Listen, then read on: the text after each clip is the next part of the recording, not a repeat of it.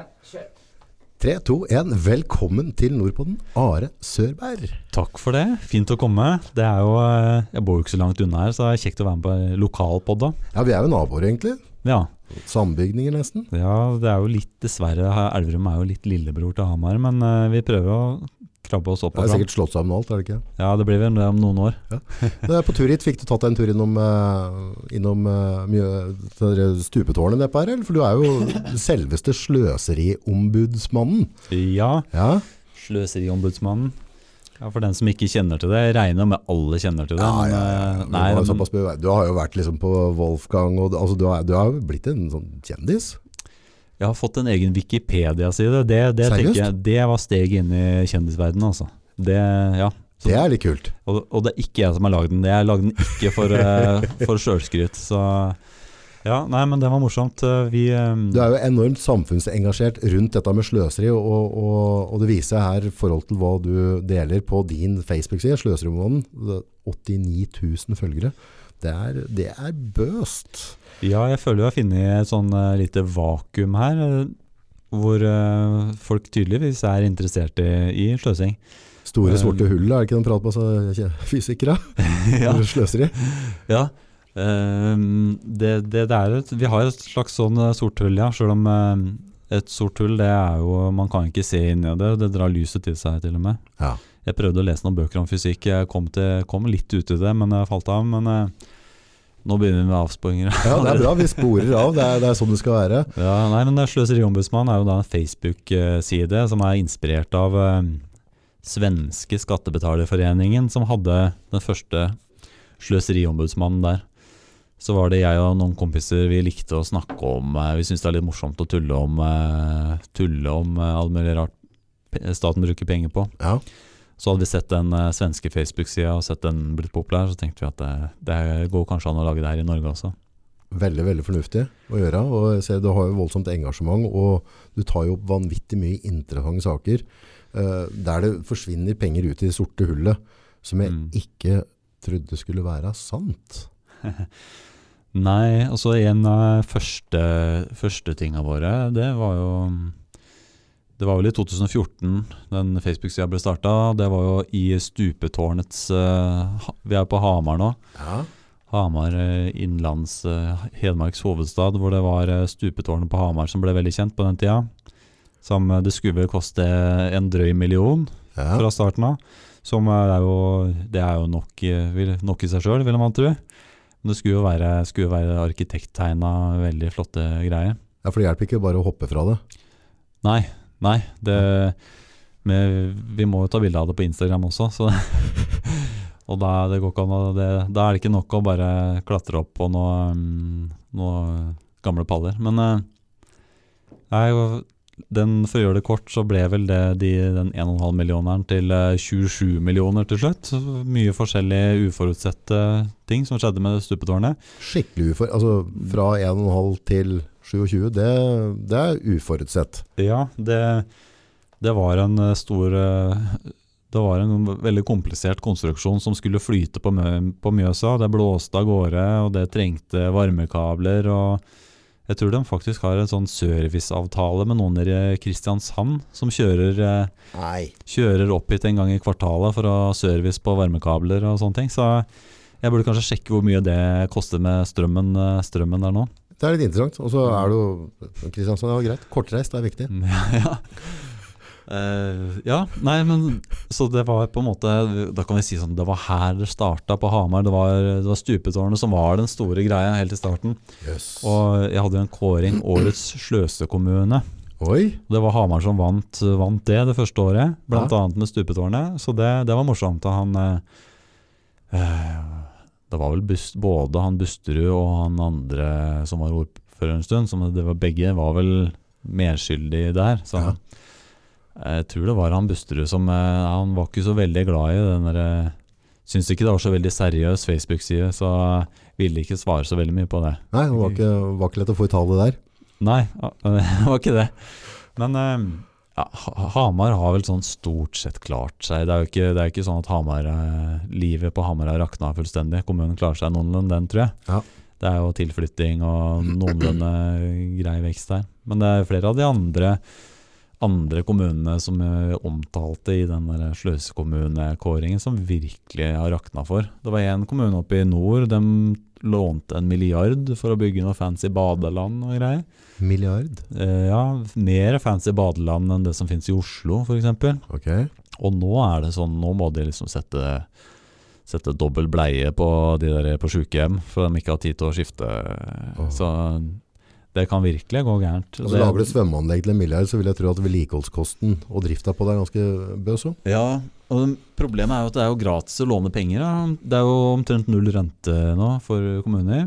Så det er gratis å låne penger, og i starten er det jo ikke så mye vedlikeholdskostnader. Så, Neste generasjon må ta den. ja. Eh, så det er noen enorme sånne lånefinansierte investeringer som eh, blir dyrt å vedlikeholde eh, om noen år rundt omkring i Norge. Er det en sånn mannegreie at vi skal sette en sånn bauta Jeg skal bygge Norges dyreste stupetårn, jeg skal ha verdens største badeland.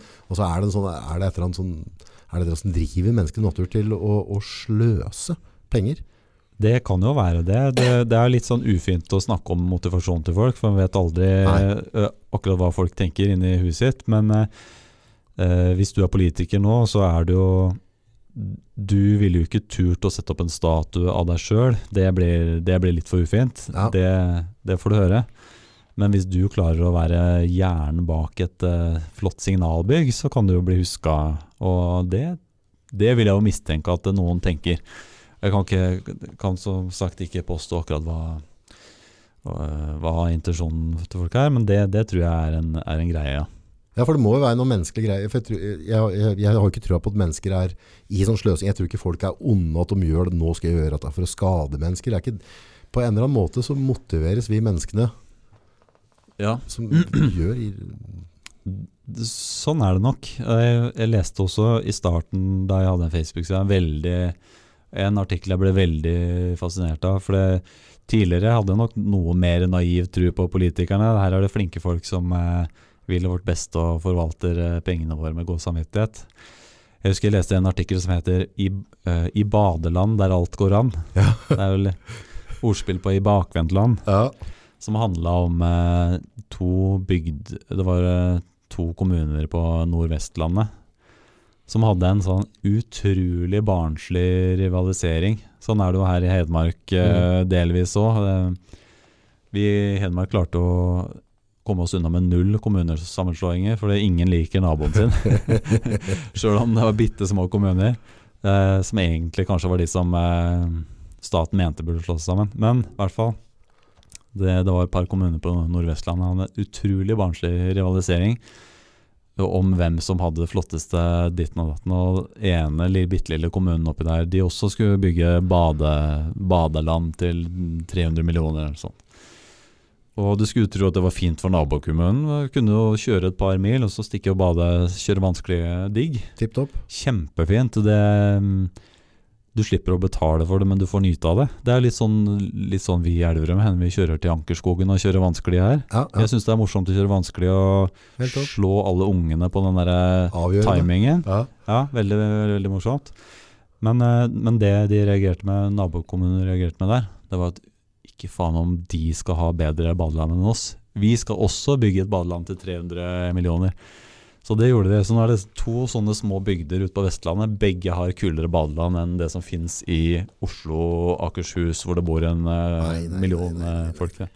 Så det er sånn smålighet som eh, kan, kan være gjennomgående i, rundt omkring i Norge. Og vi så også noen litt spor av det Det var jo en bok som het 'Stupetårnet'.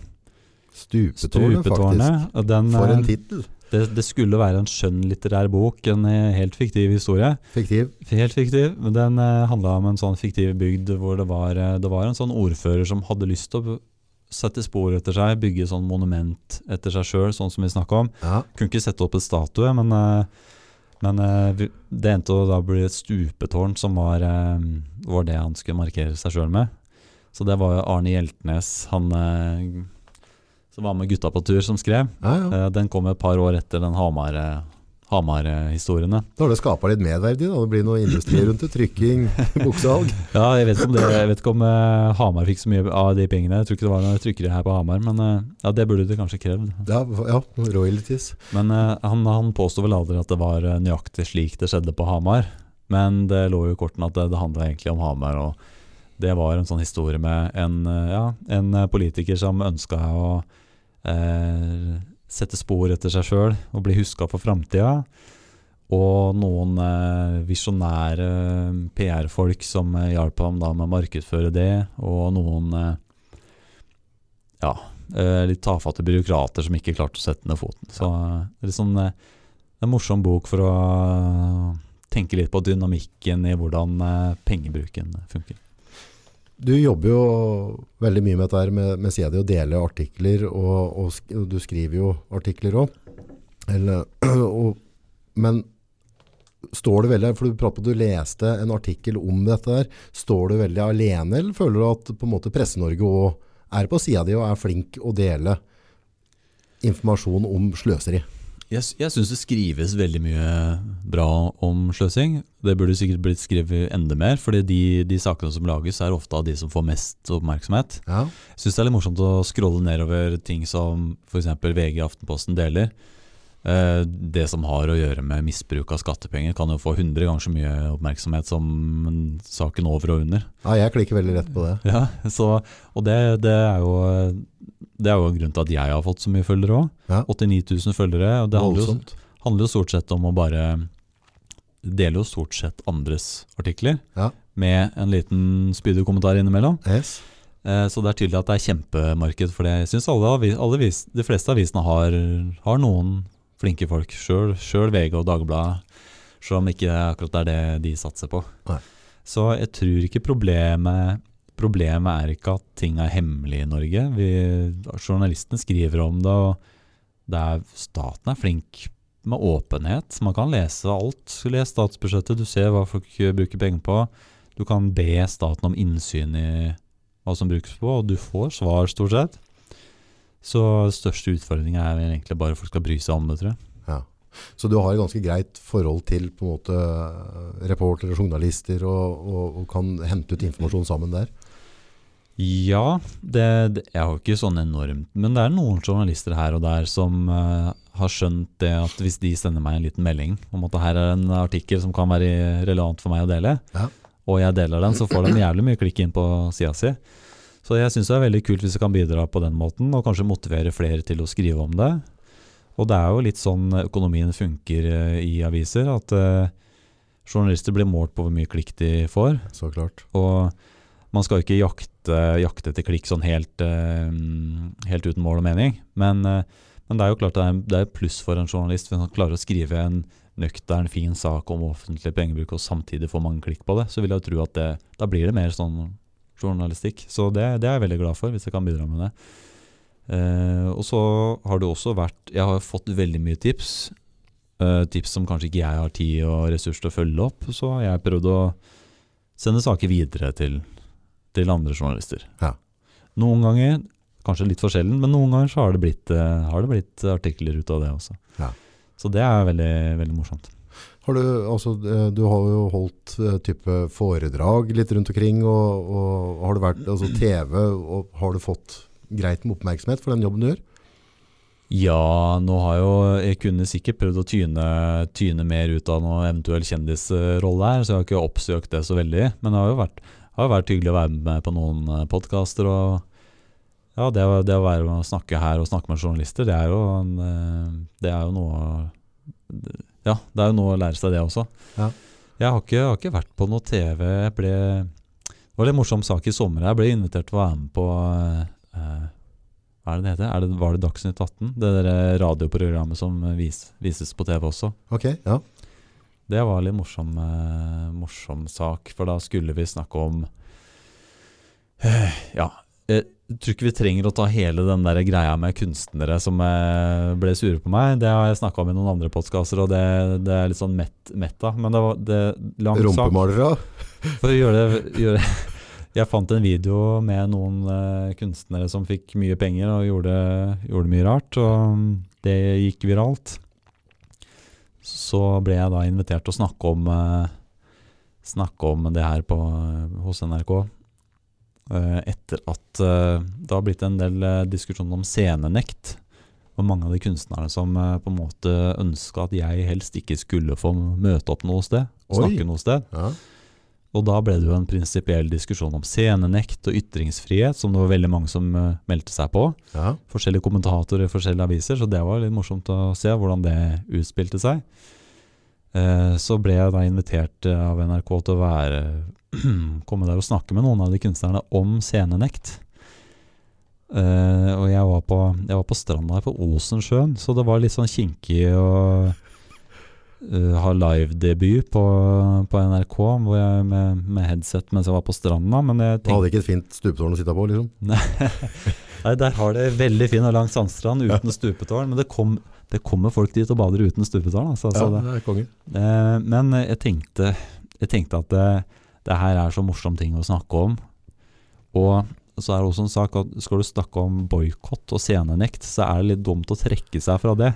Så jeg tenkte her må jeg bare si ja, Ja. og så la det stå til. Og jeg tror jeg klarer å få fram noe penger. Eh, det som skjedde da, det var jo at ti minutter etterpå så fikk jeg en tilbake telefon igjen for NRK. Hvor de sa at eh, hun som eh, egentlig skulle snakke med meg om eh, boikott, hun hadde boikotta det siden det var meg. Så da, da ble det ikke noe debatt. Da har du gjort noe riktig. Ja, det var, eh, det var veldig morsomt. Og Da har, det, du, da, har du, da har du gjort noe riktig når, Ja. når, når de boikotter deg. Og det, mm, det syn... Ja.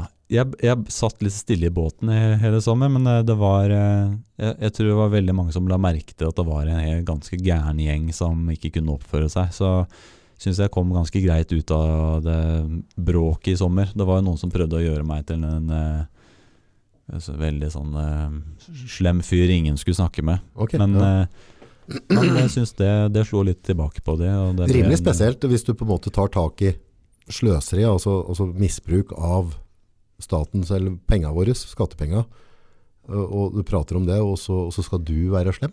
Ja. Men uh, der blir jo alt så- Sånn er det jo stort sett alltid, at hvis du skal snakke om at noe er sløsing, så tråkker man jo på noen tær, for det er alltid noen som jobber med det jeg mener er sløsing. Ja. Eh, Men stort sett så har, tol tolererer folk det. I den grad noen svarer på kritikken, så vil du kanskje Hvis noen mener at de har sagt noe urimelig, så kan man prøve å rette på det. Absolutt. Eller forklare hvorfor det er, er god pengebruk. Men eh, andre vurderte at det var man skulle heller bare boikotte og bare si at det her skal man ikke snakke om. Men det, det virka som folk i Norge skjønte at det, sånn, sånn skal man ikke gjøre det. Så, så det, det syns jeg var happy ending. Har du gjort noen tanker rundt sånn demokrati på det, akkurat den biten der at uh, hvis politikerne våre, da, eller dem som sitter på, på pengesekken, uh, driter seg ut, og det ikke blir forfulgt, altså vil ikke det egentlig skape litt sånn effekt som gjør at folk ikke eh, behandler skattepenger med respekt da? For på en måte hvis jeg vet at jeg slipper, ja, vi kan justere litt, og vi legger, altså, eh, er fallhøyden for liten for dem som styrer pengesekken? Det er veldig sjeldent det- noen får noen konsekvenser. Det, jeg prøver jo å bidra litt med dårlig omdømme, da. Ja. Men, eh, men eh, det er jo tydeligvis ikke nok for å stoppe det. men Nei, jeg vet ikke helt hva mer jeg skal si om det. Altså, for det er Det kan hende eneste, eneste måten å, å løse problemet på er å, å senke stillingsvernet. At noen faktisk må få sparken. Men det, det krever jo på en måte en ganske sånn generell lovendring i Norge. Ja. Som drar med seg en del andre ting. Så hvis de her skal få lavere stillingsvern, så ville det gå utover andre folk i vanlige arbeidsplasser også. Ja, ja. Så det er litt komplisert, eh, litt komplisert akkurat det der. Ja, for det, det magiske er jo på en måte at hvis du har et selskap, og så, og så bommer du på budsjettet ditt, da, altså du bruker penga feil, Uh, som igjen får følge at du kludrer med skattepenga du skal betale inn til staten, så er det brød og vann. Ja, ja. For da, da blir du straffa. Og det kan være ganske mye mindre beløp på. Altså, det, det trenger ikke være 20 millioner, liksom. Altså, du skal være litt forsiktig med akkurat den der eh, Det er litt Er det, er det likhet? Det, det burde jo være en slags sånn symmetri i det her. At det er likt for den som, eh, den som betaler penga inn og bruker penga ut. Ja. Eh, men det er jo klart at du får mye, mye strengere straff om du holder unna 27 millioner skattekroner, om du klarer å holde det unna staten, enn om du roter det bort på andre sida. Ja. Nå er det jo klart at mye mye av penger som sløses bort, er jo Det kan hende var en god hensikt, men man eh, gjorde ikke jobben sin ordentlig. Det er jo ikke, helt, det er jo ikke nødvendigvis bevisst, eh, bevisst svindel. Nei. Men, eh, men eh, du var inne på noe som jeg ikke helt svarte på, det med at ikke For, for det, er jo, det er jo ikke kommunen som har eh, kommunens folk som har vært og bygd det stupetårnet, det er jo private entreprenører. Ja. Og du spurte vel ja, hva med de? Hvorfor, hvorfor, hvorfor må ikke de betale? Mm. Jeg tror kanskje akkurat med stupetårnet sin del så måtte de betale et par millioner, så det reduserte kostnaden litt for Hamar. Ja. Men, eh, men det er en generell eh, Det er et veldig bra spørsmål, det. Og jeg tror det går an å Når kommunen setter i gang et sånt anbud, så tror jeg de kan spesifisere det. At eh, det her, her må dere ta risikoen. Men eh, av en eller annen grunn så gjøres ikke det så veldig ofte. Eh, en annen sånn ting som jeg syntes var morsomt å følge med på, det var ja, I hvert fall for noen år siden så prøvde jeg å holde følge med Norges dyreste skattefinansierte utedasser. Utedasser. Det, utedasser. Det- det Vei, veidasser. Jeg husker naboen ha mer kaffe. Uh, ja takk. Det, nå, Jeg husker- nå Da jeg vokste opp, så hadde naboen utedass. Det var på en måte en sånn plankebu, og så, og så var det um, Det er bare med pila mot, ja. Og så var det skørre høl i en sånn planker som det satt jeg på, og så på vinteren så var det da sånn issepol da, som ikke ble frøst fra streba der. Det, det er jo en utedass, tenker jeg da. Ja. Men der har vi kanskje gått videre. Du, bare en digresjon. da. Kunne få med han Tor Gotaas på den Han har skrevet bok om eh, norske utedasser. Nice. Ja, Han er fra Brumunddal. Ja, men han er ikke lett å få tak i. Nei, det er han sikkert ikke. Nei, jeg tror ikke han har mail eller mobil eller noe. Jeg har, jeg har prøvd også, for det er jo helt tragisk når vi sitter her på Innlandet. og han er jo med på mye andre, så jeg burde absolutt prøvd å fange en annen. For det er en uh, artig type. Ja, Han har bare fasttelefon. Det snakka han om i en, en annen podkast. Ja. Ja. Men uh, skal vi se, prøv å dra det her tilbake. Jo, Utedass. det var jo um, Ja, jeg husker jeg skrev om det her tidlig. tidlig Da var det Gulldassen og Milliondassen. Det var to dasser oppe i nord. Og så fikk vi jo de når du kjører ned mot Oslo herfra. Vi er jo nå på Hamar. Ja. Kjører E6 sørover, så er det sånne røde klosser, ser ut som sånn tyttebær eh, Ja, ja. langs Mjøsa der. Får lyst til å gå og drite hver gang jeg ser dem. Det er jo så for vakkert. Ja, vakkert det. Men de hadde, de hadde rekorden en stund. Oi. De kosta Ja, vet du? Hvor mye det kosta for hver av de? Det var eh, 6,5 millioner for hver Per dass. per dass. Har du tatt med asfalteringa? Da kommer sikkert lomma ved siden av. Det er bare dassa sikkert, sånn 6,5. Nei, jeg er ikke helt sikker. Det er mulig, mulig det var det der bordet ved siden der òg. Ja, okay, ja, ja. I hvert fall. Men eh, det, mm, det var da den dyreste for noen år siden. Det her har tatt helt av. Det er, eh, den er for lengst passert. Å, Eh, så de har uh, toppa det? Ja. Men i den derre dassinteressen her, så kom jeg over Det var et museum, Kistefossmuseet på Jevnaker, tror jeg det er. Ja. Eh, Det er en sånn privat stiftelse som har et kunstmuseum, og de skulle lage en veldig ambisiøs dass, som eh, jeg tror den kosta ti millioner. Eller nei, der var historien at den skulle egentlig koste tre. Det var avtalt den skulle koste tre for dassen. Snekkeren sa tre. Ja, og så var snekkeren ferdig, og da sa han sorry, det kosta ti der. Det ble litt, eh, det ble litt dyrere enn vanlig. Det gikk i dass. Ja, det gikk da. Men eh, der var det Der hadde de Der sto det på sitt. Og da sa de avtalen var det skulle koste tre. Du, da betaler vi tre. Ja. Og det var rettssak og, og greier da. Og det endte jo med å Avtale er avtale. Ja, for jeg tror som privatperson, hvis, eh, hvis, jeg, skulle, hvis jeg hadde kunne snekre, og skulle inn og snekre på, på, på huset ditt, så jeg har hatt en podcast om det med, med en advokat her, men jeg tror at å har et avvik på 10%, og så må det på en måte varsles inn, og så, så er det en helt annen prosess etterpå. Så i forhold til det anbudet jeg har gitt, så må jeg forholde meg til, altså jeg kan ikke bare... Kan ikke bare komme og så sette nytt kjøkken og så si at det er 100 000, og så sender jeg faktura på 250, og så regner med at det går bra. Det Mm. funker ikke, i det sivile i hvert fall. Da. Nei. Det kan hende følge samme regler her, bare at du slipper de 10 14 ganger, da, så blir det ganske mye likevel. Ja. Jeg vet ikke akkurat hvordan det funker. Men eh, som en sånn motepol til den der kistefossdassen, Ja. som sikkert Jeg har hørt at den var litt utrolig fin, så jeg har lyst til å dra dit bare for å, bare Ja. for å gå på dass der. Men uh, en av de siste tingene jeg skrev om, det var en, eh, en ny veidass. Jeg tror det her er nå norgesrekord. Den var oppe i 41 millioner. Nei, 41 millioner. da er det 100 toaletter og Nei, det er ett bygg. Jeg tror det var tre tre avlukker, om det er herre-dame-handikap eller, eller hen, jeg vet ikke. Men jeg tror det var tre avlukker. Og så var det også en sånn rekke med noe tak øh, som du kunne sitte og spise under. da 41 millioner. Og det var en sånn greie for det, det På bare to år siden så skulle det koste 20. Jeg tenkte det var egentlig nok da for å tre, tre dasser, men den plutselig oppe i 41. Og det er på en måte ingen forklaring. Det er eh, Journalisten spurte var ikke dette jævlig dyrt, da. Og han svarte nei, det Ja, det syns du kanskje. Tenk hva du vil, sa han. Nei. Ja, ikke noe svar. Men eh, nei, så det Det som er litt magisk også er altså, Nå er jeg jo litt sånn inhabil, men jeg syns på en måte generelt Norge er et ganske vakkert land, da. Så å, å, å ha noen arkitekter som pryder landet med altså, Er det ikke egentlig bare å få den dassen bakom en allerede pen fjellvegg eller noen trær? Altså, altså, hva, hva er poenget? Altså, sånn som nedpå, nedpå der, da, Mjøsa og utover. Det er ganske fint der, egentlig, utgangspunktet. Ja. Så det er liksom ikke sånn at uh, det var fint på Mjøsa, for der var det en fin dass. Det er jo ikke det som på en måte øker livskvaliteten til øh, borgeren. Da. Nei, det er Det er jo sånn gjenganger Altså Grunnen til at den, eh, den eh, dassen, eh, siste dassen vi snakka om ble så dyr, tror jeg, det er at den er del av et sånt prosjekt som heter eh, Nasjonale turistveier.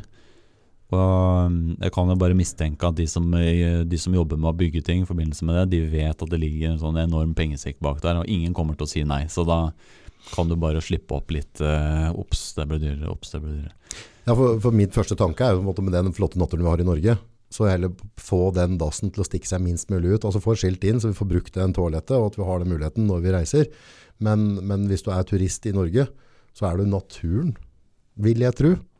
At, at det er kanskje det du er ute etter å se. Da. Ja, det har jo pleid å være en sånn tanke at uh, altså i andre land, en nasjonalpark i USA f.eks., der er det jo hoteller inne i nasjonalparken, veier på kryss og tvers. Men i Norge så skal jo det vernes. Det skal jo skal ikke gjøre så veldig mye inn der. Vi liker at naturen vår er ganske uberørt. Ja. Uh, men eh, nå, det her ble jo litt avsporing fra det vi snakka om, men det her føler jeg liksom sklidde ut litt de siste åra med um, Vi ser på MDG, for eksempel. Hvem er det? Eh, Har du, har du hørt om det? jeg tror det står for Miljøpartiet De Grønne. Nei, men eh, Det, det, ja, det er altså, ja. ja, det er, ja, vi kan prate om det etterpå, men det er vakkert. ja. Men det her um, Nå er det ikke nødvendigvis de som har ansvaret for akkurat det der eh, vei, veiprosjektet, altså. Det er jo litt mer faktisk Frp som har holdt i. Men uh, nå er det bare sånn helt generelt, en opp, generell observasjon at eh, slik MDG starta, det ble det kom det ut av Framtiden i våre hender. Framtiden i våre hender som forening. Forening for uh, Det blir bare dyrere og dyrere. ja, Nei, men egentlig faktisk framtiden Det er en sånn uh, Tenk deg litt sånn 80-talls uh, folk som eh, av prinsipp eh, bruker tøybleier og, og sånn bærer på Sånn tar med seg bærepose sånn. Hippier. Ja, ja, men, ja, litt sånn ressurshippier som skal okay, ja, tenke, ja, tenke på på ja, ressursbruk og sånn. Greit nok. Enough. Er Kjører, kjører en uh, veldig gammel bil fordi ikke du vil ha ny av prinsipp. Det var på en måte sånn MDG var. At uh, man skal ha Skal ikke bruke så jævlig mye ressurser, fordi det, det tyner jorda for Ja.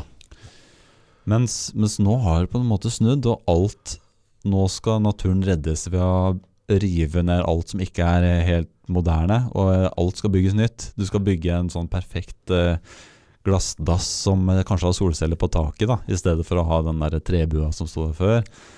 Og ja, i Oslo, alt, alt skal rives opp og bygges på nytt, for da blir det 2 mer energieffektivt.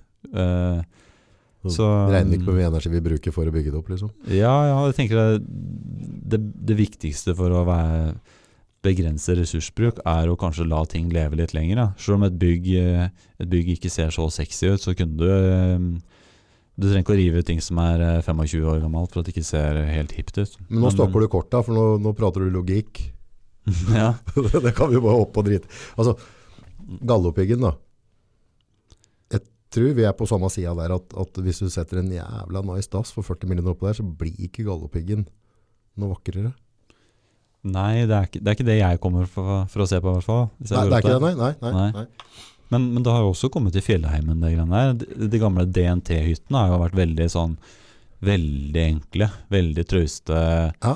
Her er jo folk som har gått og båret opp eh, elementer og sånn, men nå er det jo noe helt annet. Nå er det jo Snøhetta som har eh, arkitekter som har tegna det, og det flyr inn med helikopter eh, for at det er så stort og tungt og betongfancy. Så ja, det er en sånn eh, interessant trend som jeg føler ikke så veldig mange snakker om. For det, MDG nå er noe helt annet. Altså, de, skal, eh, de skal rive ned alt, bygge alt på nytt. Og Så, Ja. så det er ikke noe at de lager nytt, og de river ned ting som funker, som er funksjonabelt, for å lage et eller annet som ser kulere ut. ja, f.eks. i Oslo, den der lille gata foran eh, Saga kino der, hvis du har kjent. Der er det jo var det noen rekker med noen trær før. Ja. Rev opp alle trær, rev opp asfalten og henta noe sånn brostein fra India og Kina som var jo eh, veldig eksklusiv, da. For det Ja, det koster jævlig mye. tenker dere Kina, det er et stykke dit, altså. Ja, skal du frakte, frakte stein fra Kina med båt, eh, liksom, i stedet for å Fra Frakte stein til Norge. Ja, men den asfalten som var der, var jo litt sånn hølete, og det var jo ikke så lekkert, liksom. Men, eh, men ja. Men nå, nå skal nå, Ja, man skal Det går an å reasfaltere, altså. det går an å bare ja, ja, og legge oppå. men Da bruker du petroleum, petroleumsprodukter. Ja, så de båta som går på råolje over, de bruker ikke det sikkert. Ja, men Det er et eh, annet regnestykke, det. det, det er ikke vårt CO2-regnskap, for det er, det er ikke våre, våre båter. Så det er viktig å skille på det. Det, det er blitt veldig viktig å skille på. Uh, ja, det er, eh, det, er en sånn, det er nok en konkurranse, det, hvis du er politiker og skal møte noen eh, i Nordisk råd f.eks. ja. Skal du møte noen svensker og dansker, så er det nok litt sånn eh, skryting. Det at å, du kutta, du kutta CO2-regnskapet med 5 de er klart 10 Sjøl om det var at det, det, er mye, det er mye triks du kan gjøre da, for å få, um, få CO2-utslipp over på andre land. F.eks. på um, Jeg har vært litt opptatt av det med biodrivstoff. Ja, Du må jo eh, Staten tvinger jo bensinstasjoner til å blande inn biodrivstoff eh, i all bensin og diesel. Okay. Og det, det gjør at um, regn CO2-utslippet, sånn det måles av staten, det ser mye bedre ut. da. Okay. Fordi at eh, etanol som er lagd av eh, lagd nede i regnskogen, det, det teller ikke inn der. Eh, og dessuten så er det jo det det som eventuelt er av CO2-utslipp fra det, det teller jo inn på Brasil sitt eh, forbruk.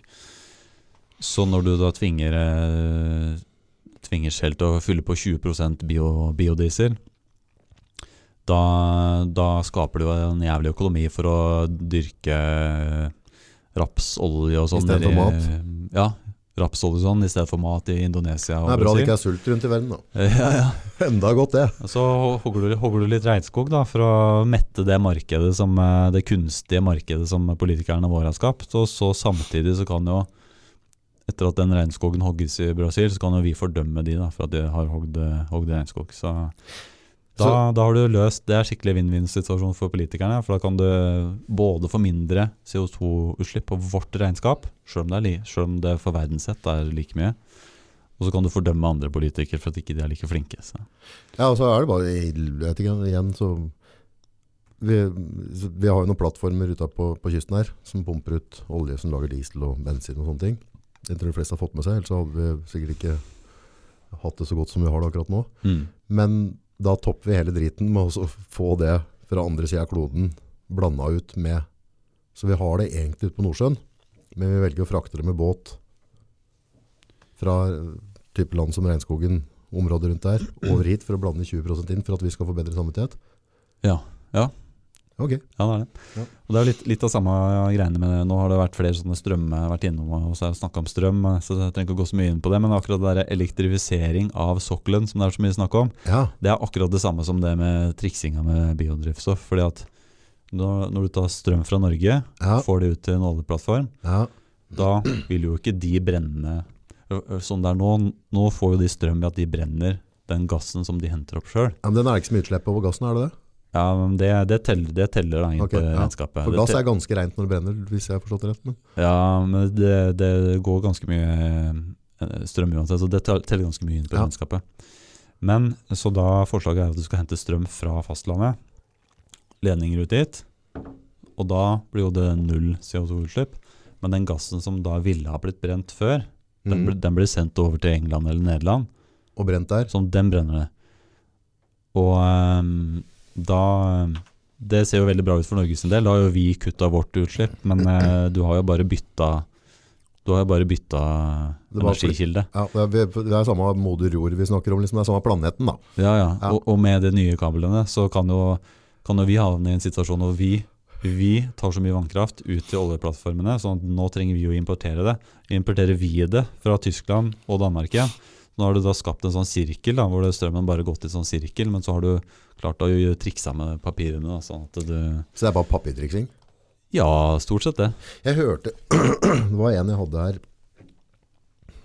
Eh, nå, nå må ikke folk skyte meg på det, men at, at eh, Ta tallene veldig sånn røffelig, da. Men at um, levetida på en vindmølle er sånn røffelig 40 år. For du får noe tretthet i materialet og diverse.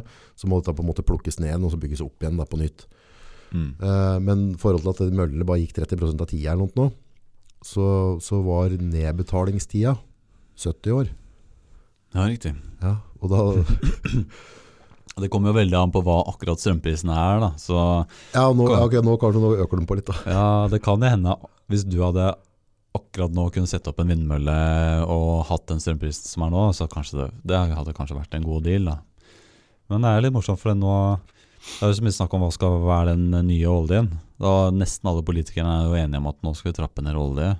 olje hente opp olje. Vi må finne noe annet. Ja. Og det her med vindkraft det er jo det på en måte mest håndfaste som kommer. Mm.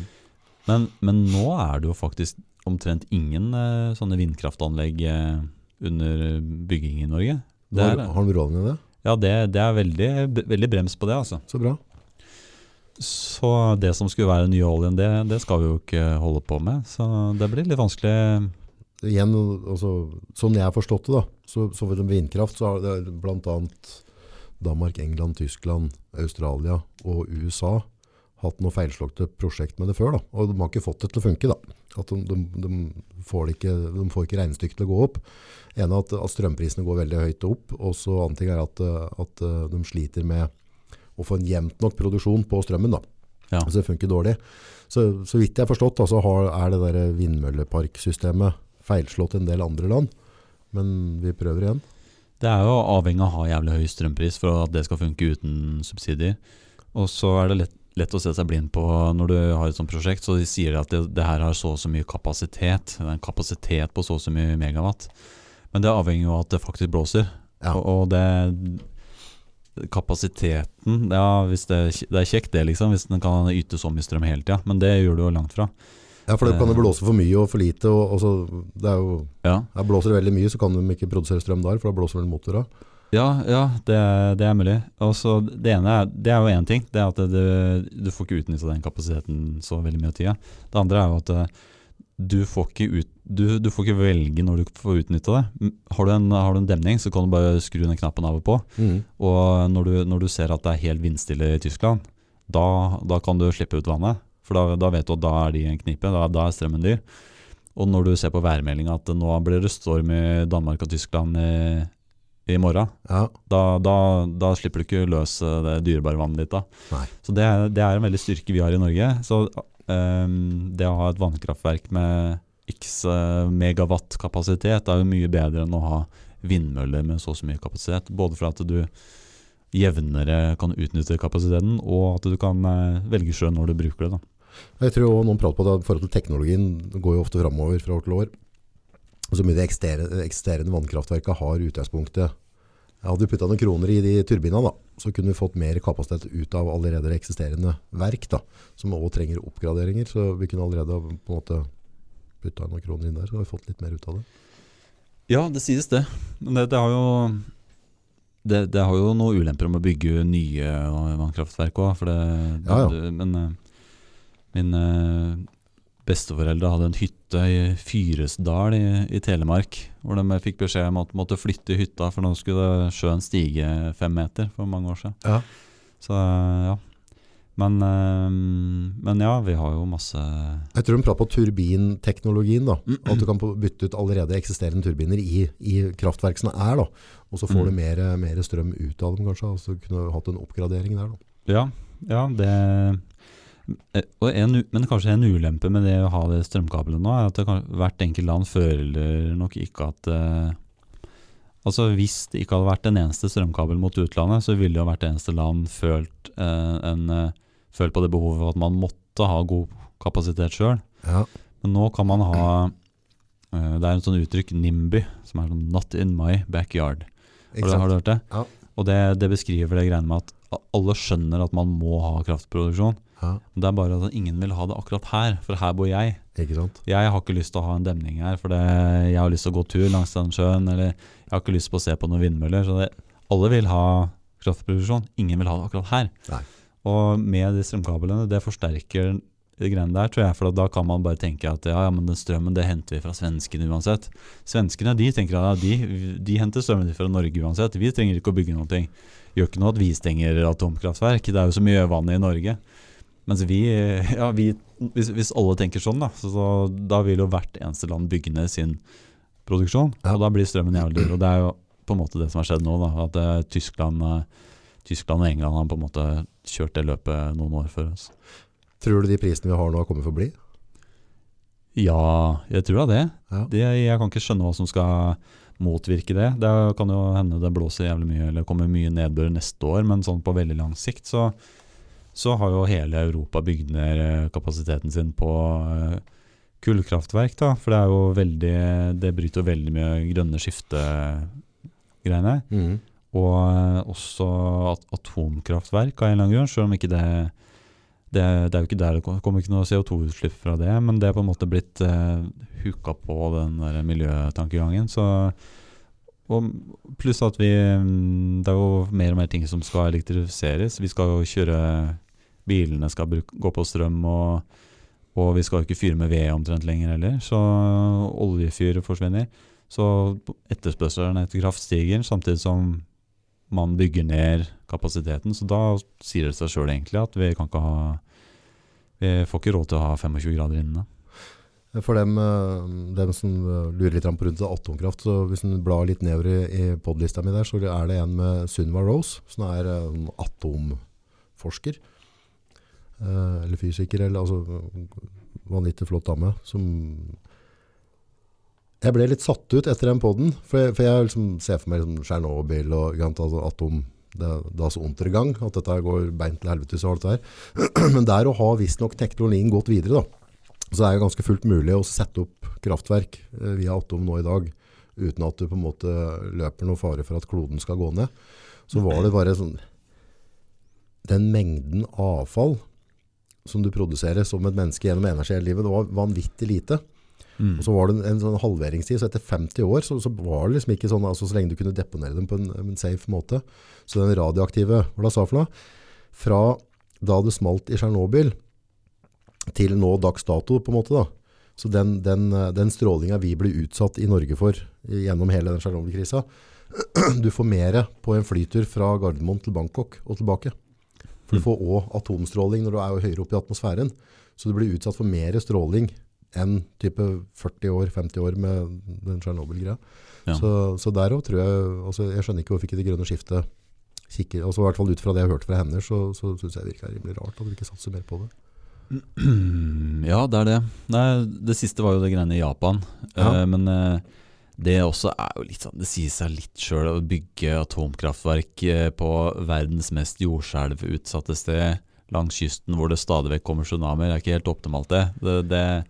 det kan man på en måte skjønne. Det skal ikke skremme folk fra å bygge et atomkraftverk inne, langt inne i landet i Tyskland, eh, egentlig. Det, det, de holder vel på å bygge noe nytt i Finland, tror jeg. Det, ja? Men det også virker veldig grundig det her- Men finna gir ikke de litt faen i resten av verden? De gjør litt som selv vil, de. Ja, ja, det De er, er litt kule sånn. ja, det er det.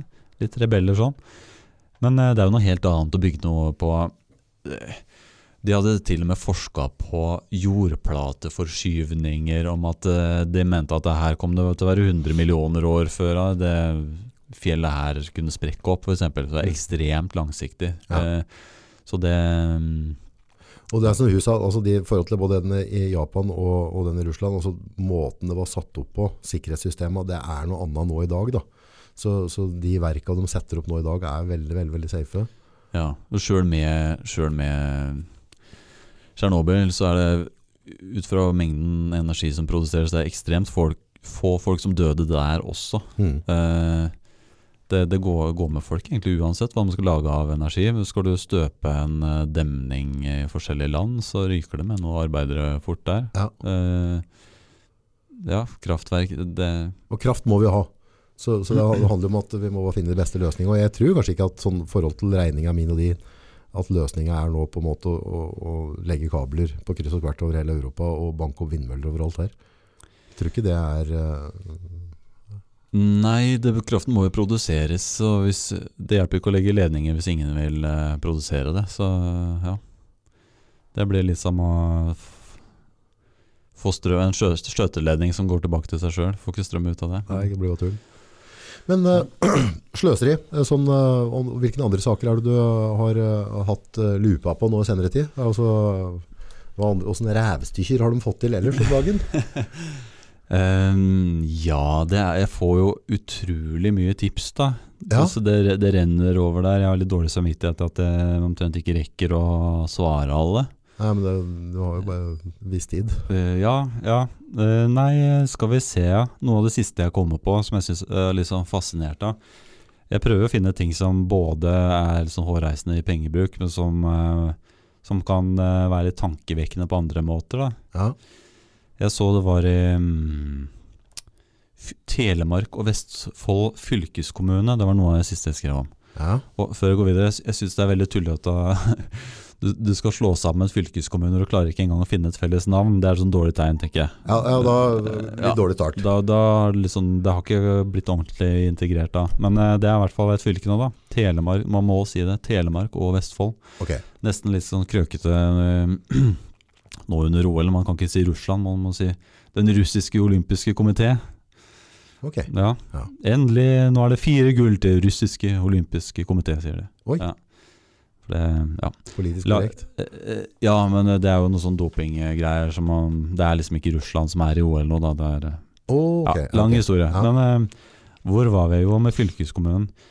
Eh, nei, varslere, det er noe på en måte blitt mer fokus på siste åra. Varslere var det. Varslere. Det er eh, eh, hvis, du, hvis du på din arbeidsplass blir utsatt for noe krenkelse, og ikke klarer å rydde opp eh, på normal måte med å snakke med vedkommende, så skal man varsle. Da kan man varsle anonymt eller, eller med ditt navn til, eh, til en eh, Det skal ofte være en sånn egen eh, enhet som skal ta imot varslinger. Er det en krenkeskala, og så må du gå over en viss grense før du kan føle deg krenka, eller er det helt opp til meg når jeg føler at du krenker meg?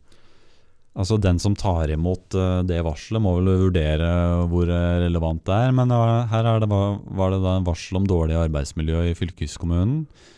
Og da Det de gjorde da, selv om de har sikkert eh, enorm eh, mulig, eh, enormt med HR-ansatte og sånn, så må man jo da kontakte et privat advokatfirma for å etterforske, etterforske arbeidsmiljøet. Og de satte av 1,5 million kroner for å etterforske arbeidsmiljøet. Og nå eh, Så, så det er vel sånn satt på spissen, så, så hvis, eh, hvis du og jeg ikke går overens på arbeidsplassen, og du er et par huer over meg, mm, eh, og det kan like gjerne at jeg er litt vanskelig å ha med å gjøre òg, men uh, så kan jeg varsle det, og så var de villige til å sette 1,5 million for å Ja, for å, at noen advokater Og det, eh, taksameter går ganske fort når noen advokater skal, skal skrive timer på etterforskning. ja. Og nå, eh, Jeg liker veldig godt når det er mange journalister som jeg tror er, de er flinke til å skrive opp en sånn huskelapp. Når de får en nyhet, så skriver de en huskelapp seks måneder senere for å sjekke åssen går dette. Oppfølging. Ja, Ja. oppfølging. Og da, da de spurte ja, åssen går det med den eh, varslingssaken. Eh, jo, du skjønner det, nå er regningen oppe i åtte millioner. Åtte. Ja. Og arbeidet var langt fra ferdig, for det var, så, eh, det var mye, mye å følge opp i, mente advokaten. Graverende. Så, ja. Nei, så dette her syns jeg det er fascinerende, egentlig, med voksne, ressurssterke folk. Jeg skjønner at det er vanskelig å komme i konflikter og krangler, men at man ikke klarer å Altså De folka vi setter til å forvalte fellesgoder, de klarer tydeligvis ikke å snakke sammen ordentlig. Så dialog funker ikke der. Nei, og alt skal løses av eh, advokathjelp. Sjøl i staten så skal man bruke private advokater. Og, Så er det de folka som vi betaler for å, å styre over hverdagen vår og på en måte fylket vårt, de klarer ikke å forholde seg til hverandre, og så bruker de da 80 millioner for å megle fram et eller annet. Ja, kranglefanter som, som må holdes fra hverandre, og det koster 8 millioner da, noen advokater som kan holde de fra hverandre. Jeg vet ikke akkurat hvem som var skylda i den saken her. Det var eh, en av, en av de fikk en sluttpakke på 2 millioner, tror jeg. Jeg er ikke sikker på om det Var med var, var med i de 8 millionene. Men, eh, eh, men sånn er det mer og mer, mer, og mer saker av. Altså.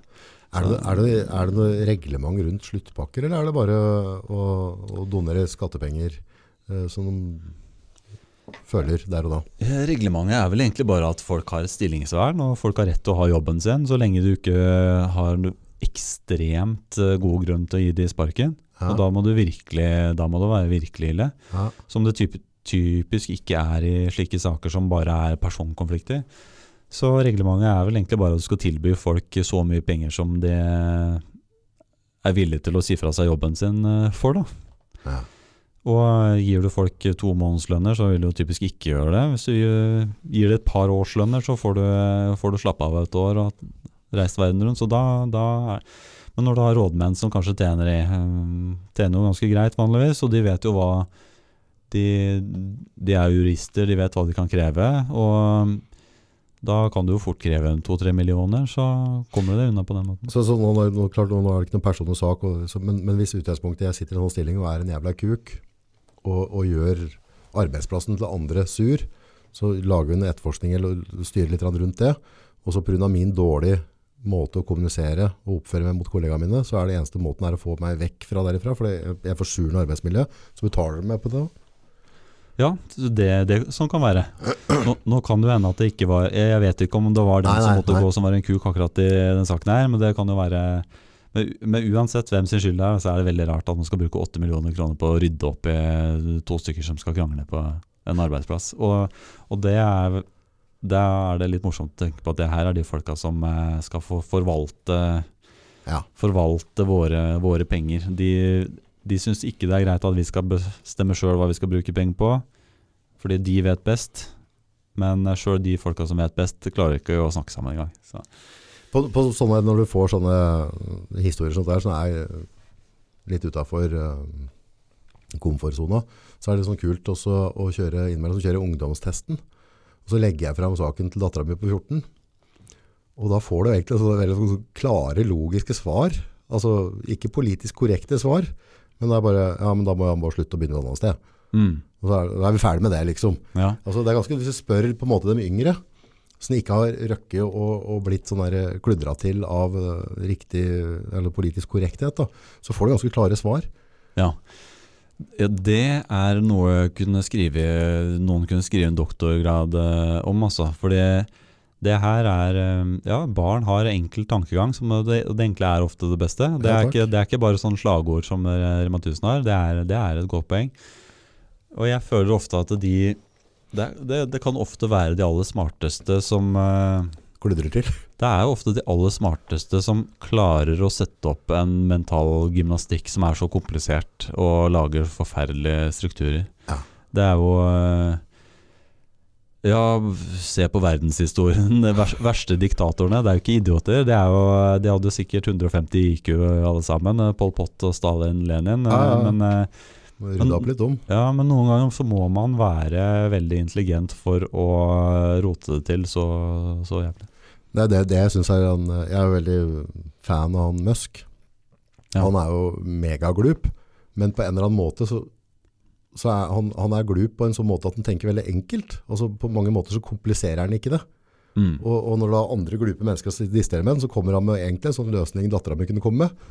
Så sitter han bare sånn spørsmålstegn, bare eh, ja, ja, det har du kanskje rett i, liksom. Ja, ja det Det var, han var prat på noen solceller i Beijing mm. for å få ned.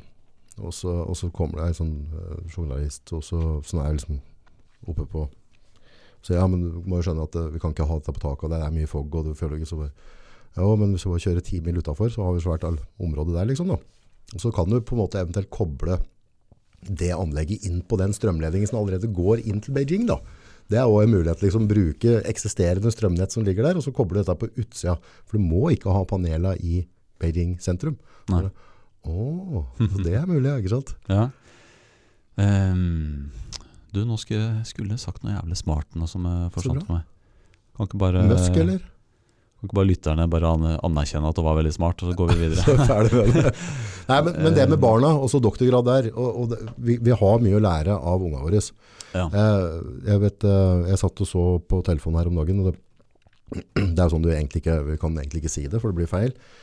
Men da var det i hvert fall Forbrukerrådet eller et eller annet, som var inne og hjalp ei jente, som da var eh, overvektig, altså hun var stor. Og så kjøper hun sånne stretchbukker, og så sprekker disse buksen over rumpa. Da, ikke sant? Og det blir jo da en sånn forbrukersak, da, for at det er for dårlig kvalitet Ja. på buksa. Og så, og så ser liksom kommentarfeltet jævlig bra liksom at du står fram og ditt og datt, og noen mener må ikke bruke stoffmykner og sånne ting.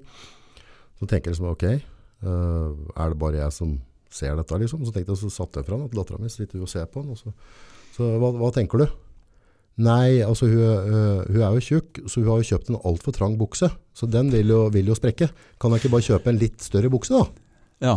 ja, det var jo Det var jo wow, ja. Ja, så, og, men da var ikke hun opptatt av politisk korrektheten der. Men, men så poenget er jo så, hvis jeg, kjøper, hvis jeg kjøper meg en T-skjorte som er for stram for armene, eller en bukse er for, så, samme om jeg veier 10 eller 15-20 kilo mer eller mindre, kjøper jeg en for trang stretchbukse, så vil den sprekke før eller senere. Ja. Nei, men eh, det er jo Det er mye i politikken som er det der keiserens nye klær-eventyret. og der òg er jo det, var, det er kanskje bra sånn forklaring på det med at folk, folk må være veldig smarte for å, for å komme med de sprøeste tankene. For Det er jo eventyret med, med kongen som eh, ja, ble fortalt at eh, han hadde en veldig flott eh, ny drakt. Kun de veldig intelligente folk kunne se den drakta. Og um, hvis man er litt enkel i huet, da, så klarer man, da, da klarer man ikke å venne seg til den ideen. Det som skjedde var jo at kongen var jo helt naken, Ja, og barna så jo det her. De, de, de klarte på en måte ikke å spinne huet sitt rundt den ideen. De så jo bare en naken fyr. yes. Pekte på han, han er naken. Ja. Men, mens litt mer eh, voksne, på en måte mer intelligente folk, de klarte å da spinne den ideen i huet og råte til for, for seg sjøl, og da tro på den ideen om at eh, Skape et sosialt press om at det her er noe man, eh, noe man må se. Ja. Og det der med det der sosiale presset, det tror jeg eh, ja, burde kanskje jeg Klarer ikke helt å få formulere hva jeg tenker rundt med det, men det, jeg tror det gjennomsyrer veldig mye ting om at det sosiale presset må mene de riktige tingene. Det, det tror jeg er veldig viktig i, i økonomien. Eh, jeg ser jo noen ganger eh, litt sånn eh, småpolitikere kanskje har delt ting jeg har, har skrevet. Ja. En sånn typisk, eh, typisk ting som dukker opp da For jeg syns det er veldig kult hvis noen i Det er på, det er på en måte sånn Høyre-Frp-ere som har, har i størst grad støtta, støtta meg. Men Ja. jeg syns det er veldig kult når noen fra SV Arbeiderpartiet også gjør det. Og det syns jeg de burde gjøre, fordi hvis, hvis man har som mål om å få en bra velferdstilbud og sånn, så er det jo klart man må kutte jævlig mye sløsing da òg. Ikke bruk penger på tull og ha et greit velferdssystem. Men når de, i den grad sånne folk eh, deler ting jeg har skrevet, så er det en sånn veldig typisk eh, motreaksjon fra deres venner. og Det er at det, det å snakke om eh, å begrense bruk av skattepenger, det er typisk Frp-retorikk. Typisk Frp-retorikk. Det er noe sånn skittent, det er ukult. Det skal man ja, Dette er litt ekkelt. Ja, jeg føler da- at hvis, jeg, hvis, jeg, hvis på en måte jeg hadde vært en sånn FRP-er da, jeg er veldig lite politisk, jeg synes politikk er bare helt pyton, for jeg synes alle bare prater røvl. Altså, ja, altså, altså det, det renner skit ut av dem. Hele, altså, de sier en ting, altså, jeg, jeg, føler, jeg skjønner ikke hvordan det gjengen, men sier du at du er FRP-er, så kan du bare si at du er rasist. Mm. Altså det har blitt en sånn skitten, altså et eller annet som så samme om liksom Frp på en måte tar ned en bomstasjon i området her for at den ikke burde vært der eller eller annet, så kan du liksom ikke trykke like på det, for da, da sier det så mye om deg da. Ja, ja, ja. Der er du redneck. Det er, og det er det samme med det å se han der nakne kongen. Fordi hvis du da peker på kongen og sier at han er naken, da mister du litt den derre gruppe, gruppe gruppementalitet, fellesskapet, Ja. som, eh, som det består av å være en del av den kule Være en del av de kule folka i eventyret som kunne se klærne. Ja. Og det Altså, vi tror Vi går kanskje ut fra at politikere ønsker å bruke skattepenger mest mulig effektivt.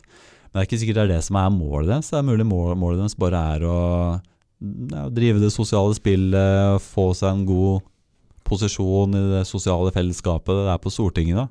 Og da, da kicker sånne ting inn om at eh, hvis man begynner å snakke om bruk av skattepenger Æsj, det er så Frp-greier. Hold meg unna det. Ja. La heller spyle ut pengene. Det er ingen som sier noe imot det. Er det ikke, er det ikke et, sånn- et ordtak som er altså, 'veien til helvete er brolagt med sten'? Altså, eller gode, gode intensjoner er brolagt med gode intensjoner, blir vel riktig da. Ja. Så, så ofte så, så, så går vi i feil retning, og så, så er det ingen av oss som ser den store røsa, eller vil nevne på den elefanten stå på siden, liksom, for det, det, blir, det er ikke riktig. For da er du liksom, du er ikke med på fellesskap, og du er egoist, og, og så, Ja, så det gjelder å huske at eh, når vi syns at politikere gjør noe som er helt idiotisk, så er det ikke sikkert det er fordi de er dumme, men det kan, de har of, vanligvis er det nok fordi de har andre mål enn oss. ja, Sånn som når vi snakka om strøm her òg, så det er mange som bare rister Åssen kan noen tro det er en god idé å legge ned masse kraftverk? Det blir jo, da blir jo strømmen dyr. Skjønner de ikke det, liksom? Men antagelig, De skjønner antagelig det, men det er ikke det, det som er målet deres. Målet deres er at det skal ha en grønn framtid. ja. Og hvis det er målet, så da gir det jo helt mening å stenge masse kraftverk. For da blir det jo mindre bruk av energi. Så, så det er ikke sikkert de er dumme, de har ofte andre mål. Så det er heller Men det jeg føler er litt sånn som har blitt litt sånn forhold med politikk og noe greier der, er at um, det er litt som, hvis vi går tilbake til knelertida da, Jesus og gjengen, så hadde du jo på en måte de lærde? De, de skrev det på, språk, Altså, du og jeg skulle ikke kunne lese det, var de lærde som, og, og hvis jeg stiller noen spørsmål om det, så sier August, dette er utenfor din befatning, Eh, du er, eh, du er, dette, dette skjønner ikke du, nå må du Mm. bare stole på meg. Så det er liksom svaret, Altså hvis vi da setter en strømkabel og ditt og datt, og så sier vi at dette, går jo, dette, ble, dette er kokos. Eh, Nei, dette er et politisk spill ikke du skjønner, så det, vi trenger ikke å prate med deg om det. på- Altså, de flyr litt over, over oss på en eller annen måte. Ser litt ned på oss, liksom. Altså at, at, at de tenker liksom at eh, vi kan ikke tenke sjøl, vi kan ikke ta ansvar sjøl. De må gjøre det for oss, for at på en måte jeg er for dum, da. Ja, det er mulig. Det er mulig, det er det. Og så var det jo riktignok en del sånn debatt om det for noen år siden, de, før strømkablene ble lagt. Men, eh, men det er litt vanskelig å engasjere folk i det. Det var nok ikke så Det var en del som så at strømmen kom til å bli dyr. Ja. Det er mange som har fiska Det er litt morsomt når energiministeren sier nå at ja, det, det her kunne ikke vi vite at det ble dyrt. Og så fisker man liksom fram eh, jævlig mye kronikker og sånn i Dagens Næringsliv med folk som har sagt nøyaktig hva som kom til å skje. Men, men på en måte liksom folk, folk, flest, folk flest ville jo ikke stå på barrikadene for det her for ti år siden, fordi det er jo litt, litt vanskelig å engasjere folk for en sånn hypotetisk uh, mulighet om at strømmen blir dyr om ti år. Da. Problemet er jo på en måte at hvis du, hvis du går utafor den normen der, så blir du bare stempla i panna som sånn konspiteoretiker. Og, og det virker som liksom den grensa for når du blir kalt konspirasjonsteoretiker eller driver med fantasier, den har liksom blitt lavere og lavere og lavere. da. Så det er egentlig på en måte at hvis du ikke er helt enig i Støre, så er du liksom så er du kokos. Ja. Og så um, Ja, nå roter vi oss mer inn på Ja, strømmen igjen, da. Men det er en ting som er litt morsomt å snakke om, da. Fordi som samfunnsøkonom så har vi jo egentlig lært at eh, fri handel, det er jo stort sett til stor fordel for samfunnet. Og så kan du tenke deg hva som har skjedd eh, La oss si i Vietnam, da, hvor de lager jævlig mye ris. Mm. Eh, de har egentlig samme problemet der. For de også kunne jo kutta ut eksporten av ris. Og da hadde jo ris blitt, hadde, hadde blitt billigere i Vietnam. ikke sant? Yes. Det det er jo, Folk i Vietnam har jo kunne hatt veldig nytte av det. Så, så det er ikke bare bare å alltid stenge eksport. For det, da hadde verden stoppa. Skulle, skulle alle som eksporterer eh, ris da, da hadde ikke vi fått kjøpt noe. Det hadde alltid alt svekka oss. da. Men eh, Men det er jo liksom litt av globalisering at vi alle skal ha av alt. Altså, hvor, hvor er det grensa? Når er vi mette da? Altså, hvor, hvor mange forskjellige fruktslag skal vi ha i butikken før vi er happy? Hvor mange forskjellige, altså, hvor stort utvalg? For på et eller annet tidspunkt så må vi betale prisen for dette, hvis vi skal, alle skal kunne ha alt, og at det på en måte er helt naturlig At vi f.eks. sender fisk fra Norge ned til Kina, som blir videreført der, og så blir sendt opp igjen til Norge etterpå. Det er jo ikke veldig vanskelig å skjønne at det utgangspunktet er litt dumt. da. Ja, det er mye rare sånne historier. Men uh, egentlig, skal vi se, hva skulle jeg si? Jo, tilbake til det med strømmen. Ja, Altså Hvis du sammenligner med ris i Vietnam, da, så er det, også, det er jo antagelig sånn nå også at eh, det staten tjener på å eksportere strømmen Staten tjener mer enn det vi taper på at vi må betale mye nå. ja, Antagelig. La oss si staten tjener 30 milliarder i året da, på, på det her. ja, Og så, vi, så, og så kanskje vi må betale 25 eller vi må, La oss si vi betaler 28 millioner da, eks, milliarder ekstra. ja. Så hvis du legger sammen de to tinga, så har jo samfunnet Samfunnet totalt har antagelig tjent på å eksportere strømmen. ja. Men så er det jo Det har jo litt å si hvor penga ender opp på, da. At hele befolkningen lider, og staten får mye mer. Eh, Og staten skal jo egentlig være med i det. Ja, nå prøver de med å prøve å gi litt av det her tilbake. da. Så hvis de klarer å finne en veldig fair, effektiv måte å dele inntektene tilbake, så kan det hende det her blir en fin greie. Men sånn jeg Også, ser på det, så er det sånn at, at, at de går inn, og så raner de oss først. Altså, de, de, det er ikke noe vi har stemt fram at ja, ok, vi, vi firedobler strømpris her eller noe.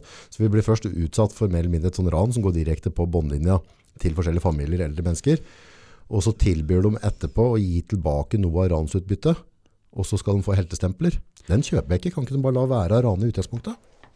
Ja, det, de, de, de, hvis de prøver å markedsføre det som en sånn gave tilbake til oss, det, jeg, det er urimelig. Det er urimelig. Men, eh, ja, ja. Men, uh, Vi er så ålreit, så vi gir tilbake alt litt av Vetunga, liksom. men, men det jeg tenker som antagelig skjer, da, skjer her, som gjør at det her strømme, strømmarkedet er litt annerledes enn rismarkedet for vietnameserne, så det er at uh, enormt mye penger ender opp hos staten.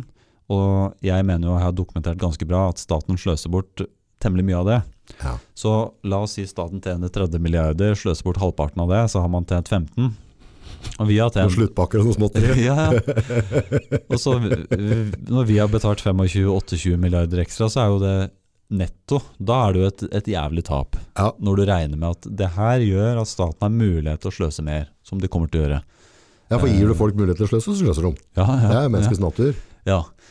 Så det, det virker som det er en ustoppelig kraft det der med å bruke mer og mer penger hvert eneste år. Så um, jeg kan, kan kanskje ikke si Jeg, føler jeg har gjort, skapt mye oppmerksomhet rundt sløsing, men kan ikke akkurat si at for utretta så, så veldig mye, for statsbudsjettet øker eh, voldsomt for hvert år.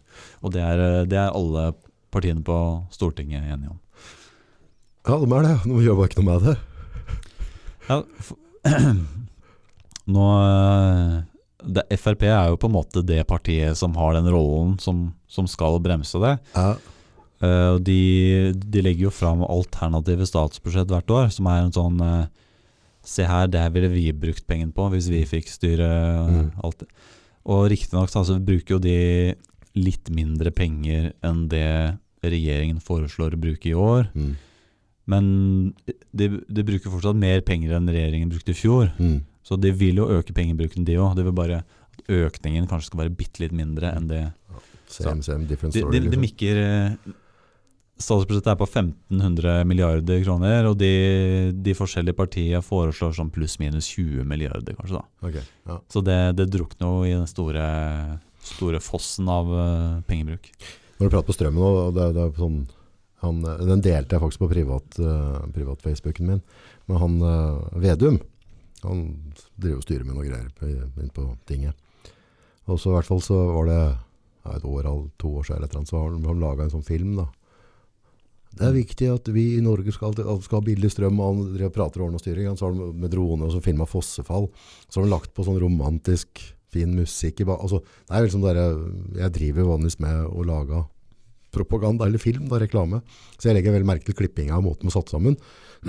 Men han er veldig, veldig sterk på det. At, at uh, Norge er kaldt på vinteren, og vi skal kunne ha lys, og vi skal kunne varme i huset. Og ditt og datt, og så går det liksom to år, og så sitter han her og har antakeligvis muligheten til å gjøre noe med det. Og det som overrasker meg mest da med politikere, da, når det på en måte går en så ekstrem tørn, da, så liker jeg i hvert fall å tro, da, hvis jeg hadde sittet i en posisjon der, og så sier jeg at ok, men dette er noe som er bestemt før min tid, uh, jeg får ikke gjort alt der, så tror jeg faktisk jeg hadde bare gått av, og sagt at dette, dette er jeg ikke med på. For det, historien viser seg gang... Nei, jeg bare fulgte ordre. jeg. Bare gjorde det ledelsen sa. Og så var vi, er vi enige om at det, det vi driver med er ikke ok. Liksom. Nå sitter det gamle folk og har kalde hus på vinteren for at de har ikke råd til å fyre med strøm. Mm. Det er, det er dårlig gjort. Det, er sikkert, det er sikkert litt vanskelig å komme inn i plutselig så får du regjeringsmakt, og du mm, Tidligere har du jobba Altså, Vedum er sikkert smart og flink, han. Men Jobba som, jobba som bonde, og det å være partileder er jo en ledelsesjobb og flink til å snakke med folk og sånn. Plutselig skal du ha en- en mening om veldig tekniske ting om uh, hvor, styre hvordan økonomien og energisystemet fungerer. Mistenker jo at det, det egentlig er de folka som jobber i, altså fagfolk i departementet som, som bestemmer der. Tenk, tenk deg hvis du hadde kommet inn som energiminister og møte masse folk med La oss si det jobber 40 folk med doktorgrad, Ja. jobber for deg nå. Klarer du egentlig å over, overstyre de eller motsi de? Det, det er ikke så lett. Nei, det er jeg helt enig i, og, det, og det, mest sannsynlig så hadde jeg ikke klart det. Men eh, da hadde jeg jo anerkjent at jeg driver og rævkjører deg og resten av norske folket, så dette er jeg faen ikke med på. Så hadde jeg bare gått ut og så hadde jeg bare tatt det, og så bare sagt at eh, det som skjer her nå, det, det stritter mot alle mine prinsipper og moraler. Så det gamet her er jeg ikke med på, så jeg trekker meg. Ferdig. Og så kan jeg gå og stelle kua mi i stedet. Ja, ja det, det er en måte å løse det på. Ja. Nei, jeg, Ja, for hadde, hadde jeg hatt en redaksjon som hadde tukta meg til å bestemme hva vi skulle prate om her, og hva vi ikke skulle prate om, så hadde jeg slutta på dagen. ja. Altså, Mm. hvis, ikke, hvis ikke du og jeg kan få lov til å kommunisere normalt, som vi mener kan gjøre med, med ytringsfriheten vår, hvis jeg på en måte skulle hatt en NRK eller TV 2, en redaksjon som sitter og styrer dette over, så hadde jeg vært ferdig. Da hadde jeg ikke Mm. gjort det. Altså Kanskje det aller viktigste Hvis man kommer inn der og jeg vet ikke helt hva man skal gjøre, det aller viktigste er jo i hvert fall ikke legge på enda flere opp, nye oppgaver. For det Altså Byråkratiet blir jo veldig utskjelt. Byråkratiet vokser, det, det stemmer jo, men det, det vokser jo fordi at man finner på nye lover og nye reguleringer. Så F.eks. det biodrivstoffgreiene. da. Tenk hvor mye nye folk som eh, det, det som skjedde med i det tilfellet, var jo først så Først så var det fritt frem for hva du skulle kalle biodrivstoff. Så var det jo ren palmeolje som eh, ble fylt på tanken. Okay. Så Det er jo komisk på den tida hvor det var snakk om å fjerne én dråpe palmeolje fra noe påskeegg. Oi, Pumpa vi jo på ti liter palmeolje rett på tanken. Kødder var du? på, nei, sånn, sånn var det. Eh, Så det, det var jo helt meningsløst, det å ikke skulle bruke palmeolje i kjeks, liksom. Du, ti, når du har ti liter palmeolje på tanken, så bruker du ganske mye mer der enn det du spiser i noen pakke kjeks. Så, Ja. så skjønte vi at det her var jævlig dårlig, dårlig PR. Eh, Så da, da ble det byråkrati rundt det her. Prøve å finne på nye regler for hva som skal kalles eh, biodrivstoff og ikke. da. ja. Det er jo jævlig komplisert. Skal du ha noen sånn sertifiseringsordninger? Sånn, ok, palmeolje er ikke bra. Rapsolje, ok, greit. Kanskje rapsolje er greit hvis du dyrker det i eh, Burundi, men ikke i eh, Kongo, liksom. Skal du sende noen folk ned til Burundi for å sjekke at det er etisk eh, drift av rapsplantasjen? Det baller på seg med jævlig mye oppgaver, da. Og da, det er jo sånne ting som gjør at, det blir, at byråkratiet vokser. At man, så det, det er litt sånn vanskelige ting å skrive om, men eh, det ville jo, hvis jeg var politiker, heller bare prøvd å fjerne ting. ja. Sånn er det jo i vårt liv, ikke sant, med kosthold og sånne ting. Hvis du har problemer med helsa di, kanskje det viktigste er å fjerne de tinga som ødelegger deg. Altså kutte ut eh, alkohol, kutte ut røyking, kutte ut usunn mat. I sted- det, er jo, det er jo ofte det som funker. Og alternativet er jo bare å putte på med mer eh, medisiner. Det kan jo kanskje løse noen problemer, men det koster, og så det, får det bivirkninger. Ja. Og Sånn er det i politikken òg, men uh, man, man ser ikke helt det i, i politikken. Uh, det med at man kan løse problemer med å fjerne ting, det, det er det ingen som tenker på. Det, det burde, mm, burde være en greie. Eh, når du snak, vi vi prata før vi gikk på her nå, for jeg har noe som heter Crohns, en sånn magegreie. Og da går jeg på noen medisiner. Ja. Og, og dem er ganske kostbare for så vidt. Uh, Humine. Og så har du det på engelsk? Humira, Humira. Humira. Det er den jeg bruker. Og det, mye var det en sånn kur kosta i, i statene? I måneden? Var det Eh, fem vi fant vel ut at i, 5500 dollar? Fant vel ut i USA så kosta det 50 60 70 000 kroner i I måneden. måneden. For det er en patentert medisin, så Ja. der bestemmer de selskapene som produserer det, prisen på det. Ja. Eh, de, må jo, de må jo prøve å begrense seg litt, for hvis det blir altfor dyrt, så gidder i hvert fall ikke norske staten å, å, kjøpe det inn. Så det er jo det som er eh, men, eh, men, det er jo tydeligvis en medisin som eh, Det er jo nesten alfa og omega for veldig mange, så da det gjør jo at, eh, at, at de kan kreve ganske godt betalt. da. Ja. Men um, akkurat på det området her så er det litt morsomt, for jeg føler jo norske staten er jo kjent for Det finnes ingen annen stat i verden som bruker så mye penger på, på hvert eneste område. Bistand, veier, ditt og datt, utenriks. Akkurat medisiner så er faktisk Norge kjent for å være blant de mest gjerrige. Oh? Ja. Yes. Det, det, er litt rart at akkurat det er det området man skal velge seg ut og være gjerrig på. Ja. Um, altså Pengebruken vokser jo her også, for vi blir jo, vi blir jo eldre og mer, mer sjuke. Men, uh, men, Norge er altså kjent for å holde igjen veldig på det her. da Jeg har, jeg har skrevet jo et par, uh, par, tekster om det. Jeg har fått det spalte i Nettavisen oh, i fjor. Uh, ja, Kommentator, kalles det. Kommentator. ja. Nå har, det, nå, har jeg vært litt dårlig til å levere i siste, jeg har vært litt sånn travel. Men men der skrev jeg om eh, noen medisiner som jeg som på en måte studerte litt i, i, i en tidligere jobb. Mm. Um, en av de, jeg, jeg, var på en sånn konferanse for, for to år siden, to-tre år siden, og jeg snakka med de som hadde lagd eh, Luxturna. Luxturna er som er en medisin eh, som uh, kurerer en type blindhet. Okay. Det er jo mange måter å bli blind på, ja. og de her uh, kurerer en av de. Og det uh, Det er jo ikke så kult å bli blind. Nei. Ikke, ikke, bare er det ganske kjipt, men det er jo ikke så veldig bra for Hvis man bare skal Samfunnsøkonomisk, nei. Tenke på økonomien. Ja, ja, nei, det er dårlig butikk. Og Finansdepartementet de sier at hvis, hvis noen blir ufør fra, fra de er 20, fra de skal, egentlig skal begynne å jobbe, er ufør resten av livet, så koster det Jeg tror det er 25 millioner. Ja. 25 millioner i og med at da har du ganske stor sjanse for å, for å gå på Nav. Da. Så det er ganske god vinst da, å sørge for at de holder seg friske? Ja. Og, og, det å bli blind altså Det går jo an å jobbe som blind, mm. men det, det, gjør det jo jævlig vanskelig. Absolutt. Og, og når du har da en medisin hvor du kan styre om noen blir blind eller ikke, så ja, altså Den kan avgjøre om jeg blir blind eller ikke? Hvis ja. jeg har den sykdommen? Det er riktignok ikke sånn ett det er ikke sånn 100 garantert at du, du blir kurert, Nei. men uh, ganske tett opp mot det. da. Ja. Uh, men uh, den medisinen her kosta da riktignok jævlig dyrt, ja. men det var snakk om en tre-fire millioner kroner ja. for én behandling. Som det høres jo hårreisende ut, men, men det redder jo antagelig synet ditt. da. Ja, sånn jeg tenker da, så Hvis vi bruker medisin for 25 millioner, så, så, er vi break even, men, men, samtidig så kommer vi mest sannsynlig det mennesket til å være aktiv på en helt annen måte, betale skatt, produsere inn i samfunnet. Så selv om du bruker da tilsvarende hva de regner det kommer til å koste, så, så er jo fortsatt et positivt regnestykke, og ikke minst for det mennesket det gjelder. Ja, det er, break even samfunnsøkonomisk, men så er det flott at folk får et bedre liv. Så klart. Vi betaler jo penger for medisiner for det fra før. Så vi har valgt å ikke ta inn en medisin? Eh, det, det starta med at de mente den eh, medisinen var altfor dyr, ja. som kosta et sted mellom 3-4 millioner. Eh, og det ble begrunna med, det, ble med det, det, typiske regnestykket for staten handler om hvor mye leveår man kan redde for folk. Ja. Det er klart folk, folk dør ikke av å bli blind, så det slo, slo veldig dårlig ut på det regnestykket. Mm. Og så um, sa de også at det, det var litt vanskelig å vite akkurat hvor mye det kosta staten at man ble ufør. Mm -hmm. Så da hadde de ikke med det regnestykket i det hele tatt. Ja, De droppa det bare, ja? Ja, det, var, det ble litt vanskelig. så Sjøl om Finansdepartementet hadde en egen utregning, da, men eh, ja, de, de syntes det var litt vanskelig å få det inn. Eh, og, da, og så er det jo da litt hjerteskjærende da, når du kan eh, se helt konkrete barn som har Nei, den sjukdommen.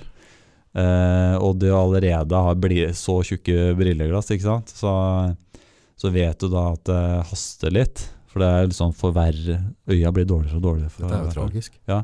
Så jeg snakka med Og det som skjer i sånne situasjoner, er at det er veldig avhengig av akkurat de pasientene som dukker opp. Og redningen her, da Det var en, eh, en, en fyr som var Han var vel 25 eller noe sånt. Ja. Og han da hadde, hadde, ryggrad og baller og krefter og, og kunnskap til å snakke for seg og, og orke å snakke om det her. Da. Så um, jeg prøvde jo å på en måte markedsføre saken hans eh, en del. Og så kom han etter hvert på TV 2-nyhetene, og han starta en sånn privat innsamling av penger. Bra. Og fikk inn over tre millioner. Og det som skjedde da, var litt morsomt, for det her, det, det forutså han. Jeg snakka med han på telefon, og da sa han at hvis jeg klarer å samle inn de pengene, det jeg tror kommer til å skje da, er at staten syns at det her er altfor flaut. De syns at det er altfor flaut å se at private klarer å løse problem bedre enn dem sjøl. Så sånn at da, hvis staten ser der, da kan det hende at staten eh, betaler for det. Og og det var, det var ikke det, det, ville han også skulle skje, for det var Mhm. ikke bare, det var ikke bare han det dreide seg om. Det var litt av grunnen til at han gadd å, gadd å kjøre på for der. For det var, det var også flere barn som eh, tror det var, var en unge der han kom fra. En sånn gutt på åtte år som også hadde samme sykdommen. Nei, men da, da det, løst, det endte jo akkurat sånn som han sa. Han klarte å samle inn pengene. Og akkurat, det, akkurat da han hadde fått nok penger, da, da, da brøt staten inn. Da, da skulle de betalt for det. Okay. Ok. Det er nesten rart at han ikke ga en skattesmell i stedet. ja, og det som var litt kjipt, var at det, det Hvis han da skulle ha betalt det sjøl, så måtte han antagelig betalt eh, mange hundre tusen kroner i moms på den behandlingen. da. Så, men eh, det var happy ending, happy ending der. Han fikk behandlingen. Han der eh, tassen på seks, sju, åtte år fikk behandlingen, og så et par til, tror jeg. Så bra. Så det, det tror jeg var, det var en skikkelig gladsak. da. Eh, både, både bra for dem og bra for, bra for staten, mener jeg. Når du kommer til å være blind, så hadde du kunnet laga en sånn mikstur, da, en, sånn, en, en liten heksedrikk, som kunne gitt til, eh, til de blinde byråkratene, som ser seg blinde på dårlige regnestykker, så kunne vi spart samfunnet for mye. For det er noe blindhet ute og går der innimellom, tror jeg. Ja, det, Jeg har ikke sett at det har kommet noen medisin som kunne kurerer akkurat det der. Men eh, det, sånn sunn fornuft. det, det kan være noe å forske videre på. Ja. Tar du patent på det, så får du blir du trilliard der. Ja, da tror jeg det kan gjøre veldig bra. Mm. Men bistandspenger, Ja. Det er jo en sånn der, en greie du egentlig ikke kan prate om, for da, da er du jo stygg og slem og fæl. Uh, og så er det vel ikke til å stikke under stol at, eh, at vi, vi gir mye bistandspenger, og veldig mye av penga blir ikke brukt til det de skal brukes til. Da. Ja, absolutt. Og det Her er det veldig forskjell på de som eh, tenker teoretisk, og de som ser hva som skjer. Fordi hvis du tenker teoretisk, så vil det virker jo ganske logisk at eh, for en eh, tusenlapp får du mer for pengene ved å bruke det i utlandet. Du kan redde flere i utlandet. Det virker veldig logisk. Um, og hvis det hadde vært tilfellet, så hadde jeg absolutt vært for å bruke masse penger på bistand. Hvis du kan redde, hvis du kan redde masse liv for uh, det du kan uh, få et stupetårn for her, i, Ja, her i, på Hamar, Ja. så kjempebra det, liksom. Jeg, kunne, jeg, hadde ikke, jeg hadde ikke klagd på at man brukte 40 milliarder på det, eh, antagelig. Men, eh, men det er også ikke tilfellet, Jeg føler ikke all, alle som forsker på det. Mye går det ut i året, vet du det? Ja, nå er det rundt eh, 40 milliarder skattekroner. Ja. 40 milliarder, så hvis du tar det tilbake til eh, Vi har jo snaut 3 millioner som betaler skatt, så det er jo da 12 000-15 000 for hver, hver av oss. Ok. Og um, det er ganske sjenerøst det å betale 12 000-15 000. eh, jeg har noen sånn SOS barnebyer og sånn. Ja. Jeg tror ikke jeg betaler 12 000 i året for det, men eh, um, hvis det hadde funka, ok, greit nok. Men eh, hvis du ser tilbake på sammenligningen med miljøet, da, da er det veldig viktig og du, Når du skal uttale deg om miljø, du må følge konsensus i forskningen. Ok. Og hvis du ikke gjør det, så blir du Det er liksom sett veldig ned på. Ja. Men konsensus i forskningen på bistand er at eh, penga bare ble borte. Bare forsvinner? Men det, det blir liksom ikke Det går ikke over i politisk eh, diskusjon. Og det er ikke noe bare jeg sier, sier som en sånn eh, særing som eh, vil kutte alt. Det er, det er stort sett konsensus. Ja, for det er ikke, Um, det er ikke noe, altså, ingen av oss er mot av å dele av rikdommen vår så lenge det på en måte skjer på en fornuftig måte. Og jeg vet ikke, det er, jeg har hørt noe, det har ikke peiling, men altså, forhold til hvor mange barn som dør i verden av mat og rent vannmangel i timen, så er det, det, er- det er en pandemi. Ja, og det har jo antageligvis blitt bedre siden 80-90-tallet, men eh, det er en ting som er tragikomisk oppi der, det er jo at det, de, de stedene som plages av sult og nød, det er ofte de landene vi har satsa på å gi penger til i veldig mange år allerede. Og, eh, så det er veldig mye som tyder på at vi Altså i verste Det er ganske sikkert at pengene er bortkasta, og i verste fall så har vi ødelagt, eh, ødelagt mye. Våpen og faenskap i stedet. Ja, f.eks. Sånn Sudan er en veldig bra case på det der. Sudan er sånn land vi har satsa på, satsa på å gi veldig mye penger til. Ja. Både at vi gir mye penger til det, men at også vi prøver å på en måte kna hele staten. Og vi skal, vi skal redde den staten, og vi skal forme den til å bli uh, slik vi vil ha den. Uh, og da Ja, de hadde jo borgerkrig. Det er jo ikke så veldig Det er jo ikke så kult. Norge støtta, støtta delvis begge sider i borgerkrigen. Det er Ok. veldig morsomt. Vær på sikre sida. Han ene Sikker på at det ikke er feil. Du tar, gir til begge. Han ene geriljalederen han lå, lå bak noe, lå i noen skyttergrav. Satellittelefonen hans eh, gikk tom for kontantkort. Siste, siste kontantkortet det ble brukt til å ringe tilbake til Norge og kreve nå må dere fylle på kontantkortet vårt. Han, krev, han måtte jo ha satellittelefon for å ringe til han eh, geriljakompisen på, på andre siden av skyttergraven. Er det alvorlig nå? Ja, det, det, er, det er bra dokumentert. Og det Og det gjorde vi. det, det gjorde vi, og han vant, eh, han vant jo krigen. Og det var jo sånn Sør-Sudan Sø, Sudan sprakk jo opp pga. krigen, og Sør-Sudan ble et eget land. Okay. Vi støtta jo på en måte hovedsakelig Sør-Sudan-delen. Ja. Men Sør-Sudan nå, det er jo det verste, verste landet i verden med, hvor flest er helt på kanten av sult. da. Eh, så du kan jo kanskje påstå at det har skjedd uten, uten vår innblanding, men eh, kan også påstå at eh, vi har bidratt til å skape en borgerkrig og destabilisere hele landet der. Det har vært mye snakk om det med i Afghanistan også ja. med at Med at all bistanden som har kommet fra Vesten, har lagd en sånn vanvittig toleranse for korrupsjon. Mhm. Og alle ser det i Afghanistan. Og så ser de samtidig at derre- det er én gjeng som faktisk står opp og er redelige og ikke driver med korrupsjon. Taliban. Så vi har på en måte bidratt indirekte til å gi de liksom bedre omdømme. Så, Taliban, var det du kalte det? Talib Har du hørt om det? Ja, Ja. ja jeg mener jeg har hørt et eller annet. Så Norad, altså statlig organisasjon, de har veldig bra sånn eh, nettavis, Bistandsaktuelt. Der skriver de om det her. Skriver de rett ut at eh, vi har antageligvis bidratt til å til å svekke tilliten til eh, myndighetene ved å bare fòre opp under eh, korrupsjon med, med en sånn naiv pengebruk. Det svekker tilliten til staten, og det gjør at Taliban eh, fikk mer tillit, da. Så det Ja. Den gjengen som kom opp i flyet her, for det ble noe skriving på, jeg så noe deling på Facebook. Det var jo noen, en Taliban-gjeng som kom opp med privatfly her. ja. Hva, hva, jeg, jeg orka ikke å lese det, men hva var det for noe egentlig? Eh, de, Norge har jo sånn rykte på seg for å være litt sånn eh, Sånn eh, megler. Sånn ja, Ja. Jeg er ikke helt Det var vel at de skulle komme hit, og vi skulle snakke med de for å Ja, ha et håp om at de, de fortsetter å snakke med andre land, da. Og kanskje ta til seg noen av våre meninger. Vi vil at de skal behandle damer eh, på fin måte og sånn. Mhm.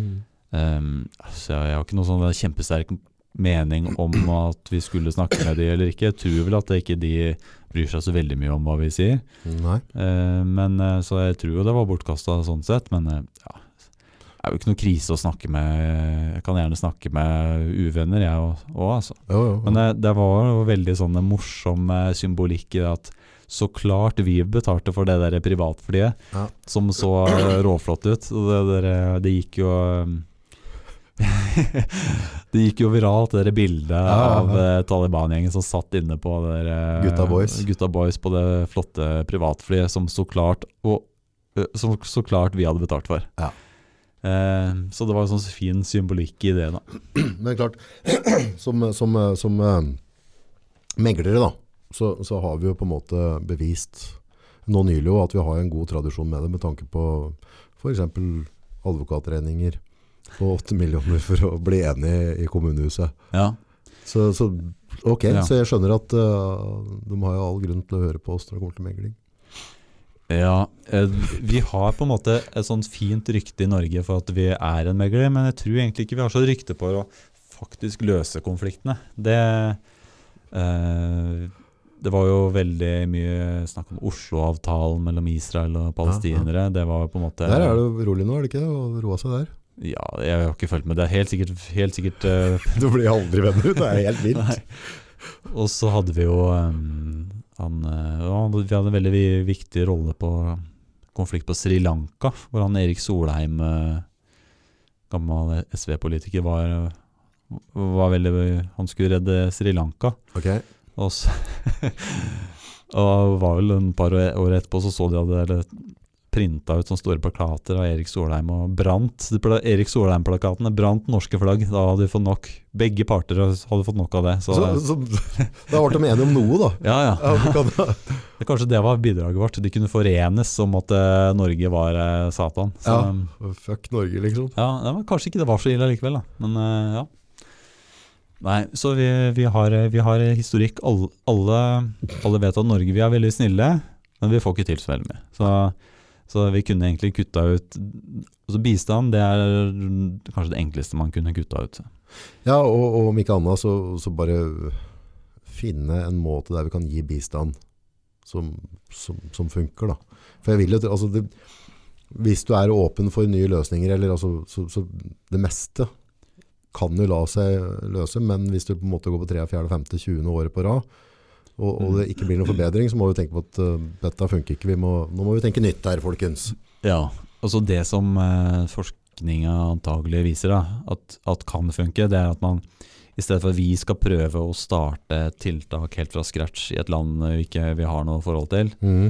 og at vi heller prøver å identifisere prosjekter som allerede er i gang, som allerede har støtte blant uh, folk, Ja. men som kanskje mangler penger, Mhm. At vi kanskje kommer inn og forsterker sånne ting. Det, det er helt eh, La folk få bestemme selv, liksom. Ja, og, og det at vi klarer ikke å styre hva andre Vi kan ha mening Er det vår jobb, egentlig? Eh, Nei, antagelig ikke vår jobb, og vi klarer heller ikke å det, det er fint å tenke på at alle land skal være demokratiske, men det, det, det, det, er ikke bare å, det er ikke bare å sette inn en snill president. Det krever liksom noe av, av eh, hver enkelt i befolkningen. Da. Ja, ja for, for å snu om et helt land, og tanke altså, det tar tid. Ja, og det, det, vi, klarer ikke å endre, vi, klarer ikke å endre noen eh, sånn folkesjel. Men eh, hvis, det, hvis det er noen land som allerede har bra initiativer, men mangler penger til det, så kanskje det kan være bra. Hm. Um, Korrupsjon uh, er jo på en måte noe vi ser i store deler av verden. Har du gjort noen tanke på korrupsjon i Norge? Altså, Norge kommer jo veldig bra ut på sånne korrup offisielle korrupsjonskåringer. Da. Ja. Så vi har jo veldig lite, vi har jo veldig lite egentlig korrupsjon. Hvis det du Altså I ordet korrupsjon så er det jo i definisjonen av det er jo en, at det er noe lovbrudd. Mhm. Men jeg har jo en sånn teori på det, da, at eh, grunnen til at vi har så lite korrupsjon i Norge, er at ting som er korrupsjon i andre land, er lov her. Og da, da, da gjør man det jo her òg, men det, det, det slår jo ikke inn på noe statistikk, for det er jo ikke noe lovbrudd. Uh, som eh, Jeg har jo tenkt tankene mine, altså, altså, nå er jeg bare en vattnisse på dette så jeg, jeg, jeg, har, ikke noe grunn, men det er bare magefølelsen min da. Om du, øh, Erna får en ny stilling i FN og Jens har drevet NATO, så tenk på altså, hvor mye skattepenger har det gått for å være med på prosjektet for at de kom seg i posisjon? Altså, de, de to gamle ledere våre, så altså, mm, Eh, det, det er jo ikke liksom eh, evne til verdensledere vi snakker om her. Altså, de har styrt et land med, med tre millioner skattebetalere. Og vi har hatt en, en, eh, en oljepumpe som gjør at de kan sløse vilt rundt. Og hele folket har egentlig bukka nikka og bare godtatt det meste. Så de har ikke vært i sånne megastore konflikter. Men hva har det egentlig kosta Norge, tror du, for at, for at våre politikere får internasjonale roller? ja, Hvis du skal være litt kynisk, så kan du jo si at eh, veldig mye av bistanden handler om akkurat det der. Og Ja, det jeg føler da. ja, men eh, det, det, blir, det blir litt vanskelig å sette akkurat prislappen på hva, Ja, men du, du har samme tanken der. Ja, jeg, er ikke, jeg er ikke på jordet, liksom. Nei, Jeg skjønner hva du mener, ja, om at mye av pengebruken handler om og at, at de, de som forvalter pengebruken, kanskje har lyst på en eh, kul jobb i Brussel og sånn. Det er sikkert et element av det. Men er det stygt å kalle det korrupsjon? Eh, det. Det kan man jo kalle det, ja. Så det mm, På en måte var Normalt så er det jo mene, vanlig å si at korrupsjon er jo Det er korrupsjon hvis noe er ulovlig. Ja. Men, eh, men det er jo over på det som jeg sa, da, at eh, Det er ikke ulovlig å være snill. Nei, annet altså, hvis man hvis, man eh, hvis det som er korrupsjon i andre land, faktisk er lov her, er det da korru- korrupsjon her? Mm. Noen ganger så er det litt sånn fin grense mellom det der, hva er korrupsjon, og hva er å betale skatt. Mm. Um, for hvis, hvis et norsk Telenor f.eks. har jo business i veldig mange land, Ja. også land hvor, hvor det er mye korrupsjon. Mm. Og da er det liksom veldig rart dilemma, fordi hvis, hvis Telenor eh, får beskjed om at her må du betale en skatt Hvis Telenor lurer seg unna det, Mm. da, da er jo det krise. Mm. Det skal man jo ikke gjøre, det er jo, det, er jo det verste man kan gjøre. Eh, mens hvis, hvis Telenor sier at eh, her må du betale noe penger til, til meg for å få en tillatelse Det er jo sånn korrupsjon ofte er.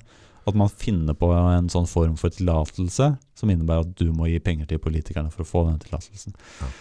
Men, eh, men i mange land da, så er det jo litt sånn ullen grense mellom hva er egentlig en skatt, og hva er en sånn korrupsjonsbetaling. Forskjellen er jo egentlig bare at det, en korrupsjonsbetaling som er eh, nedfelt i loven, da er det jo en skatt. Da kan man kalle det en skatt. Mm. Men det er ikke alle land som er så nøye på det skillet der, da.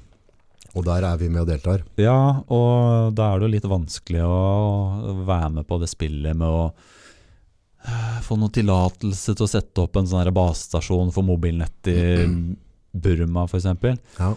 Eh, For hvis, hvis de kaller det en skatt, og du ikke betaler det, så er det jo, er det, jo eh, det er jo forferdelig. ja. Men hvis det, hvis det egentlig bare er en uh, korrupsjon det, Hvis det er en korrupsjonssak, da skal vi jo ikke betale. Så ja. Så det er Så- å definere ja. Ja, så de landene der, hvis de, hvis de landene der bare er litt smartere og lovfester den eh, korrupsjonen og kaller det en skatt i stedet for, så ville de fått inn mye mer penger. Mm. Hm. Nei, altså, det, det med bistand og sånn, og politikere våre, så det, det er jo det er for å mele egen kake om det, eller korrupsjon, hva man skal kalle det. Men jeg, jeg har jo ikke noe tall, eller men det er bare magefølelsen min sier at, liksom, at vi, vi eh, er med å støtte om det er, eh, om det er eh, i en krig, eller om det er bistandsstøtte og sånne ting. Og så, og så har du sånn som Jensemann som bare sier yes, det, det gjør vi. Og så stiller han ikke noen kritiske spørsmål eller setter på noen byråkrater til å sjekke at penga går der de går, men setter seg sjøl i posisjon. Eh, nå kjenner jo ikke han Jens, og ikke vet jeg på en måte hans forsvarsbakgrunn og, og utdannelse. Men jeg har liksom Mm. heller ikke noe magefølelse på at han er at det liksom er sånn førstevalg for å, for å, styre Nato-hæren. Nei, altså, det er jo litt morsomt å så noen fant noen gamle, gamle avisutklipp eh, fra Jens var 18 år og demonstrerte mot Nato, og mente at Norge skulle ut av Nato. Så det er litt morsomt at han klarer å bli leder der. Men eh, ja, jeg syns jeg jeg har en sånn følelse at han kanskje er en av de mer nøkterne, nøkterne folka i Arbeiderpartiet. Altså, det var um, i den, han, han skrev en del om det, sa en del om det etter han gikk av som politiker. At uh, f.eks. det miljø, da det der miljøtemaet kom mer og mer opp, så var vel han av de som sto mer på det at ja, vi trenger jo faktisk energiproduksjon, og vi kan ikke kutte ut oljen før vi har en enda bedre idé. Så jeg syns han var en bra stemme sånn sett. Da. Men ja, ja, så nå slapp han jo Nå er han jo ferdig som eh, Skal han bli sentralbank eh, sentralbanksjef. Så Ja, igjen, så jeg, jeg har ikke noen mulighet til å uttale meg. men altså, det er bare ti ville hester som skriker stopp, dette er nå, gi dekk. han, eh, han slapp jo unna Nato i en fin periode. da En periode hvor Nato ikke eh, ble så veldig innblanda i noen kriger. Så vi fikk jo ikke helt sett han, eh, hvordan han gjorde jobben eh, eh, der. Men eh, ja, igjen, jeg har ikke sånn kjempesterk mening om det der. Det er mulig at den sentralbankjobben er en lederjobb, og at du skal være leder for noen andre gluppinger. Så eh, det var, jo, an- det var i hvert fall eh, to andre kandidater her som kanskje hadde sterkere økonomisk eh, bakgrunn. Um, da, Men da skjønner jeg ikke at, at, at de kan gjøre et sånt valg. Og det, det er der jeg detter i den byttehandel, korrupsjon, du klør meg, jeg klør deg. Altså, det, et eller annet må jo ha skjedd der, liksom. Ja, det, det tar seg jo dårlig ut når du ser han er så, så god venn med Jonas eh, Gahr Støre. Og, og alle land har jo egentlig en prinsipp om at sentralbanken skal være veldig atskilt fra, fra eh, regjeringer. Mm. Um, men jeg vet ikke. Det kan, det kan hende de ville ha han for at han er en god leder. Da. Så mm. han, er, han er sikkert veldig flink med folk. Så, og jeg vet ærlig talt ikke helt hva Jeg tenker kanskje noen kanskje overdriver litt viktigheten av arbeid i sentralbanken òg, men eh, ja, vi får, får se. Erna fikk vel noen jobb nå, et eller annet i FN, og vanngreier. Havets et eller annet, tror jeg. Men når vi har vokst opp i Bergen, så vet vi hva havet er. Så, så vi er godt, godt skolert der. ja, ja, nei, akkurat det, det har jeg ikke satt meg så veldig godt inn i, hva det, hva det skulle gå ut på. Nei, Det har sikkert hun gjort. Snakk om havet. Jeg har skrevet litt om eh, det Havforskningsinstituttet havforskningsinstitutt i Trondheim. Oi, Det er litt er interessant. spennende. De har jo Det er kjekt å forske på havet, liksom. Det høres jo fint ut, det. Mm, Ganske viktig. Så de, de, de har bygd et sånn forskningssenter der. Det tror jeg var Det var vel en ti milliarder for å sette opp det senteret. Men en ting som var litt morsomt med det, eh, det var jo at eh, grunnen til at det kosta så jævlig mye, det var at du skulle bygge et sånn gedigent basseng oppe på en av høydene rundt eh, Trondheim. Hvorfor det? Eh, jeg forsker på havet, da. Oppe, Så- oppe på et fjell? Ja, hiv, Så, lager, Lager et jævlig stort svømmebasseng og hiver litt salt oppi det, så blir jo det på en måte havet, men eh, så, så det var ikke en alternativ å bruke havet som lå der? Nei, litt for Litt for enkelt? det var litt for enkelt, ja. Ja. Nei, så det mm, Ti milliarder? Ja, jeg tror det var det, altså. Nice. Og da var det til og med noen av Det var en del fagfolk også som hadde jobba med de Tidligere hadde jobba med de problemstillingene som det senteret her skulle jobbe med, som mente at det, det At det her er jo ting man ikke trenger å forske på engang. Så ja. Nei, men eh, ja, det, det får jeg sette meg litt mer inn i den saken. Jeg er spent å følge med på det framover. Mm. Du hadde jo blant annet litt med Det var noe Var det ikke du som tok tak i det med at det var noe restaurering til noe bygg i Oslo, Riksantikvaren, og så viste det at det kanskje ikke var verneverdig likevel, eller Ja, en det, liten brøler der, var det ikke det? eh, det var vel en del av det stortingstunnelprosjektet. Nice. Det starta jo først med at man skulle bare bygge en liten tunnel inn i inn, eh, For saken Man har jo en garasje under Stortinget, okay. og det er litt kronglete å kjøre rundt der. Eh, inn i smågater i Oslo. Det er ingen, som liker Privat, privatsjåfør har slett litt akkurat der. Eh, ja. Ja. Og eh, når i tillegg MDG trua med å stenge, stenge de Ring 1 for trafikk, så da hadde jo Stortinget garasje Da hadde du ikke kunnet kjørt inn i stortingsgarasjen heller. Nei. Så var det en løsning å bygge en jævlig lang tunnel. Mm. Eh, skulle koste Jeg husker ikke helt, jeg. Var det 100 millioner, kanskje? Og så er det jo jævlig komplisert å grave i Oslo. Tenk hvor mye rør og ledninger og Ja, og og så er det blåleir i Oslo. Det er jo Ja. helvete å drive og grave der. Så det, det gikk jo tre-fire-fem ganger den kostnaden først. Og så fant de ut at de skulle legge på litt. Skulle pusse opp et av nabobygga som ble slukt inn i samme prosjektet. Uh, og Det bygget har jo faktisk vært inni nå. Det er jo sånn Stortinget sine kontorer. Ble det fint, eller? Ja, det ble veldig fint, det. Ja, jeg har fått gått gjennom eh, den berømte tunnelen nå, så okay. det, var, det var flott å være med på det. Ja. Men eh, nei, det var litt morsomt. penga. Ja, og det var også et sånt gammelt bygg som ble tatt fra hverandre med pinsett. eh, ble ta, ja, som da var enormt ressurskrevende. Og da til slutt så var det noen journalist, jeg tror det var Aftenposten, det har vært veldig flinke. Jeg har skrytt mye av et par stykker i Aftenposten. Aftenposten er fortsatt en avis, er det ikke det? Ja, den kommer ut, ja. Ja, ja. ja, men jeg tenker med VG og Dagbladet er bambus mye av det. Ja, jeg må si med Dagbladet det en, jeg, Et par ganger så ser jeg folk tuller med at er, det- er dette samme redaksjon som Se og Hør, eller? Ja. Det er sånne ting som folk kan finne på å skrive. Ja. Og det som er morsomt, er at det, det er det. Det er det, ja. Ja, ja men da har du spart litt penger, da. Slått sammen. ja, Ja, så og, ja og Hvis du ser en sånn stillingsannonse med å få jobb i Se og Hør, Ja. det, det står ikke 'her kan du få jobb i Se og Hør'. Her, her får du jobb i Se og Hør slash Dagblad, for det, det er det samme. Kjendisstoffet til Dagbladet det skrives av Se og Hør. Så det, det er sånn Det er en veldig morsom greie hvor folk tror de er Folk tror de er morsomme med å overdrive, og så er det det som er sannheten. Så ja. Men uh, hva var det vi Jo, vi var på hus, plukket ned med pinsett. Vi var plukka ned huset med pinsett, og så det ble jo kjempedyrt. da Det bidro til at den der tunnelprosjektet sprakk med 10-20-gangeren. Hvorfor plukka du ned med pinsett? Jo, for det var jo verneverdig. var jo verneverdig, sa, sa Stortingets administrasjon. Mm -hmm. um, så spurte journalisten Journalisten ringte til eh, Riksantikvaren og Byantikvaren og sånn. Journalisten spurte kunne vi ikke fått en billigere løsning på det her. Mm. Så sjekka de litt i systemet sitt, og så sa de at du, vi kan ikke se at det her var verneverdig i det hele tatt. Så, så det var det ikke. Nei. Det var bare en antakelse. Så da røk det sikkert en 500 mill. eller noe sånt på det. Da regner med at noen måtte stå til rette for det. da. Ja, han måtte jo gå, han eh, Olemic Thommessen, som øh, øh, var vel stortingspresident, som var jo en av de Sluttpakke, eller? Eh, Jeg vet ikke om han fikk det. jeg vet ikke om han fikk det. Ja, han måtte gå, da, så han ble liksom syndebukken eh, for det her. Ja. Sjøl om det kommer fram at eh, alle vedtak rundt der hadde vel vært enstemmig Ja. i komiteer med folk fra de, fra de fleste partier. Syns du der stortingspresidenten som drev med pendlerretta var flott òg, ja.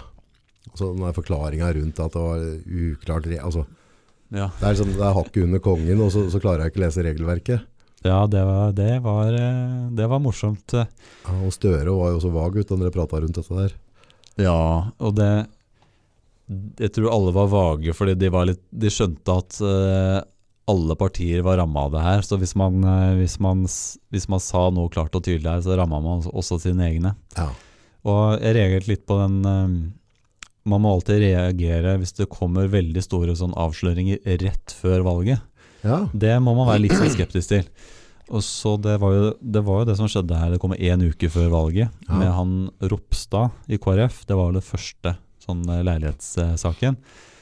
Eh, som det tok seg jo ikke så veldig bra ut. Og han innrømte jo etterpå at det her var bevisst eh, triksing. For han hadde jo meldt flytting til foreldrene, og til og med fått eh, betalt reiseregning til og fra. Hvis han, hvis han skulle til Arendal eller Kristiansand, Ja. så fikk han penger for å reise hjem, så han bodde jo ikke der i hele tatt. Så det var jo veldig bevisst. Men eh, jeg reagerte litt på at den nyheten kom rett før valget, Mm. så du får liksom mistanken om at eh, kanskje de har holdt på en nyhet veldig lenge for å slippe det rett før valget. Er du valget. litt konspirasjonsteoretiker? Ja, ja, ja. Du blir kaldt, det nå. Ja, blir det. Men, men det viste seg da at det var ikke det som var tilfellet, fordi eh, Og det her likte jeg veldig, den framgangsmåten her, fordi Aftenposten lot det gå to dager, og på Twitter Du vet, folk fra alle partier eh, det, Twitter kokte jo med vitsing rundt det her. Ja. Hvor forferdelig det her var, hvor idiot han var, og, og nå må ingen stemme på KrF eh, lenger. Og så gikk det to dager, den der Twitter-mobben hadde rast fra seg. Så begynte det å slippe liksom én ny sak hver eneste dag. Var det sånn en, da var det en fyr i SV som hadde eide leilighet i Trondheim og Oslo, samtidig som han fikk eh, Samtidig som han fikk eh, stortingsleilighet i Oslo. Da var det SV, og så var det Arbeiderpartiet som hadde en sak, Høyre hadde en sak. Så det, alle partier var jo ramma der. Eh, Så det var ikke noe sånn for å manipulere for å gå etter KrF. Ja. Det viste seg at alle, alle hadde en sånn Men det som var, hvis de hadde sluppet alle sakene samtidig, så ville man ikke fått den der kritikken de første dagene fra de andre partiene. Og det, sånne ting syns jeg er veldig morsomt, hvis du både kan kombinere sløsing Mm. og hykleri. Hykler, ja. God De- gamle hykler, ja. De to tinga til sammen er jævlig bra kombinasjon. Eh, for da, da kunne du jo se dag én hvordan folk fra Høyre, Arbeiderpartiet, SV rakka veldig ned på Ropstad om hvor forferdelig det han hadde gjort var. Og så kom det to dager etterpå at eh, kompisen der hadde gjort akkurat det samme. Ja, ikke sant. Mm. Eh, så det, Tragisk. Tror du, tror du fundamentet i sløseri er en politisk sykdom? I, i, i, I fare for å være politisk korrekt, eller på en måte nå CO2-mål, eller ditt, eller altså, bli, er, er det det, altså Hvor er det da sløseri kommer fra? Når, når ble dette en norsk greie? det, det er jo sikkert alle mulige land som har problemer med, problemer med det. Nå klarer jeg ikke å snakke lenger. Nei. Men vi har nok mer av det i Norge siden vi har så mye penger. Vi har oljefondet som har en Det blir, en sånn, eh, det blir sånne lekepenger som kan bare tappe ut fra. Så vi har nok mindre grad eh, eh, Hvis du sammenligner, sammenligner med tyngdekraften, da. Vi, vi kan ikke bare føle at vi skal fly opp i taket her, for det tyngdekraften drar oss ned. Ja. Og sånn er det jo litt med privatøkonomien vår også. Vi kan rote det til litt med kredittkort og ta av på den måten, men eh, du lander det på bakken igjen eh, etter hvert. Ja. Mens eh, politikerne har ikke den mekanismen i det hele tatt. De, de kan bare bruke så mye de vil. Mm. Fordi de kan Hvis du går på en smell, så er det bare å øke skattene eller ta fra oljefondet. Og hvis det ikke det funker engang, så kan du bare si opp det. Da kan du bare slutte som politiker og gjøre noe annet. Mm. Mm. Hvis du hadde, hvis du hadde fått økonomiske problemer, du kunne ikke bare Nei, nei. gått, gått fra det. Så da, de har ikke den tyngdekraften som, eh, som vi har, som eh, drar oss ned på bakken igjen. Så da, da blir det veldig fristende å, å ignorere det. Det Mm. er fristende å bare kose seg med, med forbruk, og så kjøper man seg veldig mange gode venner. Ja, det blir en lek. Og det, det her er et sånt prinsipp som eh, eh, Det var en forsker som, i økonomi som fikk nobelprisen i økonomi her for en gang på 70-tallet. Snakka om den dynamikken i det at hvis jeg klarer å ta litt penger fra jævlig mye folk, Ja. og så la oss si at jeg tar ti millioner fra Eller jeg tar to kroner for hver nordmann, da. Ja. Ingen kommer til å merke det, ingen kommer til å klage over det, for det er så lite på hver enkelt. Men eh, da har du 10 millioner kroner, og så kanskje sløser du bort halvparten. Har du igjen 5 millioner. Da kan du jo funde en liten gruppe med folk som kan være veldig hissige og være veldig påståelige om at det her er veldig god idé. Ja. Fordi de, de får lønna si fra de 5 millionene. Så da, da det, det, det skaper en sånn veldig ubalanse. Det lønner seg alltid for politikere. Ta litt penger fra mange og gi til noen få. Mm. Fordi da skaffer du deg noen støttespillere. Da en, da kan du, da kan du lage en sånn liten tenketank eller en liten forening med en tre, fire, fem stykker som skriver kronikker og er veldig aggressive på Twitter om at, eh, om at han politikeren vi fikk penger fra, han er en kjekk kar. Han må dere støtte, og, og kanskje vi trenger enda mer penger. Og de som har betalt for det, de ja, de har, de har ikke tid til å klage for eh, de to kronene. Nei, du må opp på morgenen og jobbe, og du har Ja. Ja. Selv om samfunnet da har jo tapt, uh, tapt på det. Ja. Og det, det der, det prinsippet der, det forklarer kjempemye i økonomien. Det, det forklarer antagelig hvorfor ingen pengebruk noen gang stopper. For jo med en gang du begynner å bruke penger på noe, så har du folk som tjener penger på det. Du må ansette noen for å Altså hvis, hvis vi skulle bruke penger på å grave høl i en sandkasse, liksom, mm. øh, og en annen skulle få betalt for å tette igjen det hølet. Du skjønner, jeg bare finner på en hel Ja, opp ja. oppgave. Så har du to stykker som da har det som jobb, og de, hvis, det, hvis noen foreslår å slutte med det, så vil jo de protestere. Så, så sånn det, det, er noen nok, sirkel. det er noen sirkel, og det er nok det som er eh, det som er mekanismen som gjør at eh, sløsingen fortsetter. Da. Så med mindre alle de som betaler litt penger, klarer å, klarer å samarbeide med én felles, eh, felles front mot det her, så kommer det nok aldri til å stoppe. Det skjer ikke før, eh, før vi er så blakke at, det- at det blir vondt. Vi, vi ligger liksom sånn, vi i Norge, vi, vi har det akkurat så godt, så vi kan på en måte sitte og klage litt til hverandre, men det er ikke nok til at vi går på gata. Ja, riktig. Så det, Så nå har, jeg, har jo jeg klart å samle litt oppmerksomhet rundt det, men eh, nå jeg på en måte ikke Hva er neste steg? Skal jeg organisere noen demonstrasjon foran Stortinget? Jeg, jeg, har, jeg har på en måte ikke tatt det, tatt det så langt. Og jeg vet ikke helt hva jeg skulle gjort med det heller. Nei, nei Så- men det er jo også veldig sånn Jeg setter veldig pris på at du, at du har gjort denne jobben du gjør, og at du, at du har ofra så mye av tida di for demokratiet som jeg lever i, og ungene mine skal leve i. Så er, altså, er, du er jo en varsler, selv om ikke du får advokatfi for det. Det burde jeg ha fått, ja. Ja, Ja. ja. Nei, men eh, det blir Ja. Hvis jeg skal prøve å starte noe, få statlige penger for det, det blir litt vanskelig, tror jeg. Sånn eh, Jeg vanskelig å forklare. Møter litt politisk motstand. Ja. Nei, så nå, riktignok nå har staten Direktoratet for økonomiforvaltning. De har starta en gruppe som egentlig driver med det samme arbeidet som jeg gjør. Yes. Så det var noen som omtalte lederen der som sløseriombudskvinnen. Ja. Så jeg burde komme og snakke med de. Jeg har ikke sett hva de har gjort ennå. Det er mulig de skriver noen rapporter, jeg håper det kommer noe bra ut av det. Men de, de skal nå kartlegge mulig sløsing og prøve å få slutt på det. Så Mulig løsning, ja. ja. Grab on. ja. Nei, men det vi kan gjøre, er vi, vi eh, følge Facebook-sida di, Sløserommannen, og så og engasjere oss. Det begynner jo med å engasjere seg og bry seg. Ja. For uh, jeg vet i hvert fall at unga mine skal jo vokse opp i det samfunnet etter meg. Uh, og forhåpentligvis kanskje få inn barnebarn. Så, så det er jo veldig viktig det du driver med.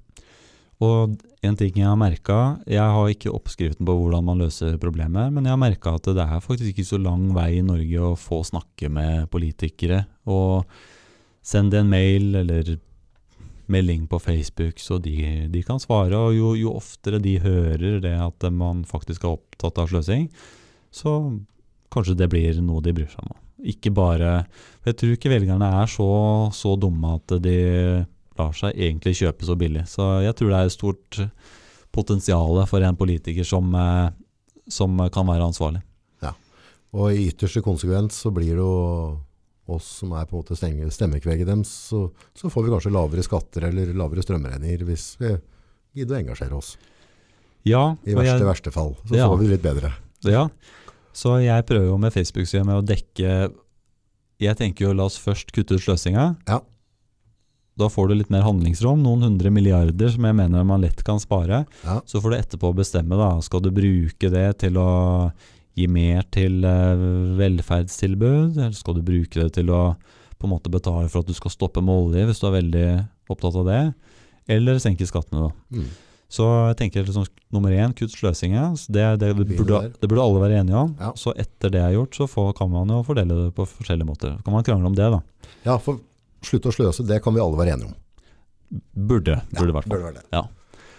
Så ja, så får man disk jeg, jeg er jo kanskje på det sistnevnte, at jeg syns vi kunne betalt litt mindre skatt. Ja. Men eh, jeg syns jo Jeg har jo mye mer respekt for eh, Jeg har jo veldig respekt for f.eks. Arbeiderpartipolitikere som sier at vi skal kutte sløsing fordi vi tross alt har nytte av bra velferdstilbud. Det, det setter jeg mye mer pris på enn de som bare spiller ut penger. Mm.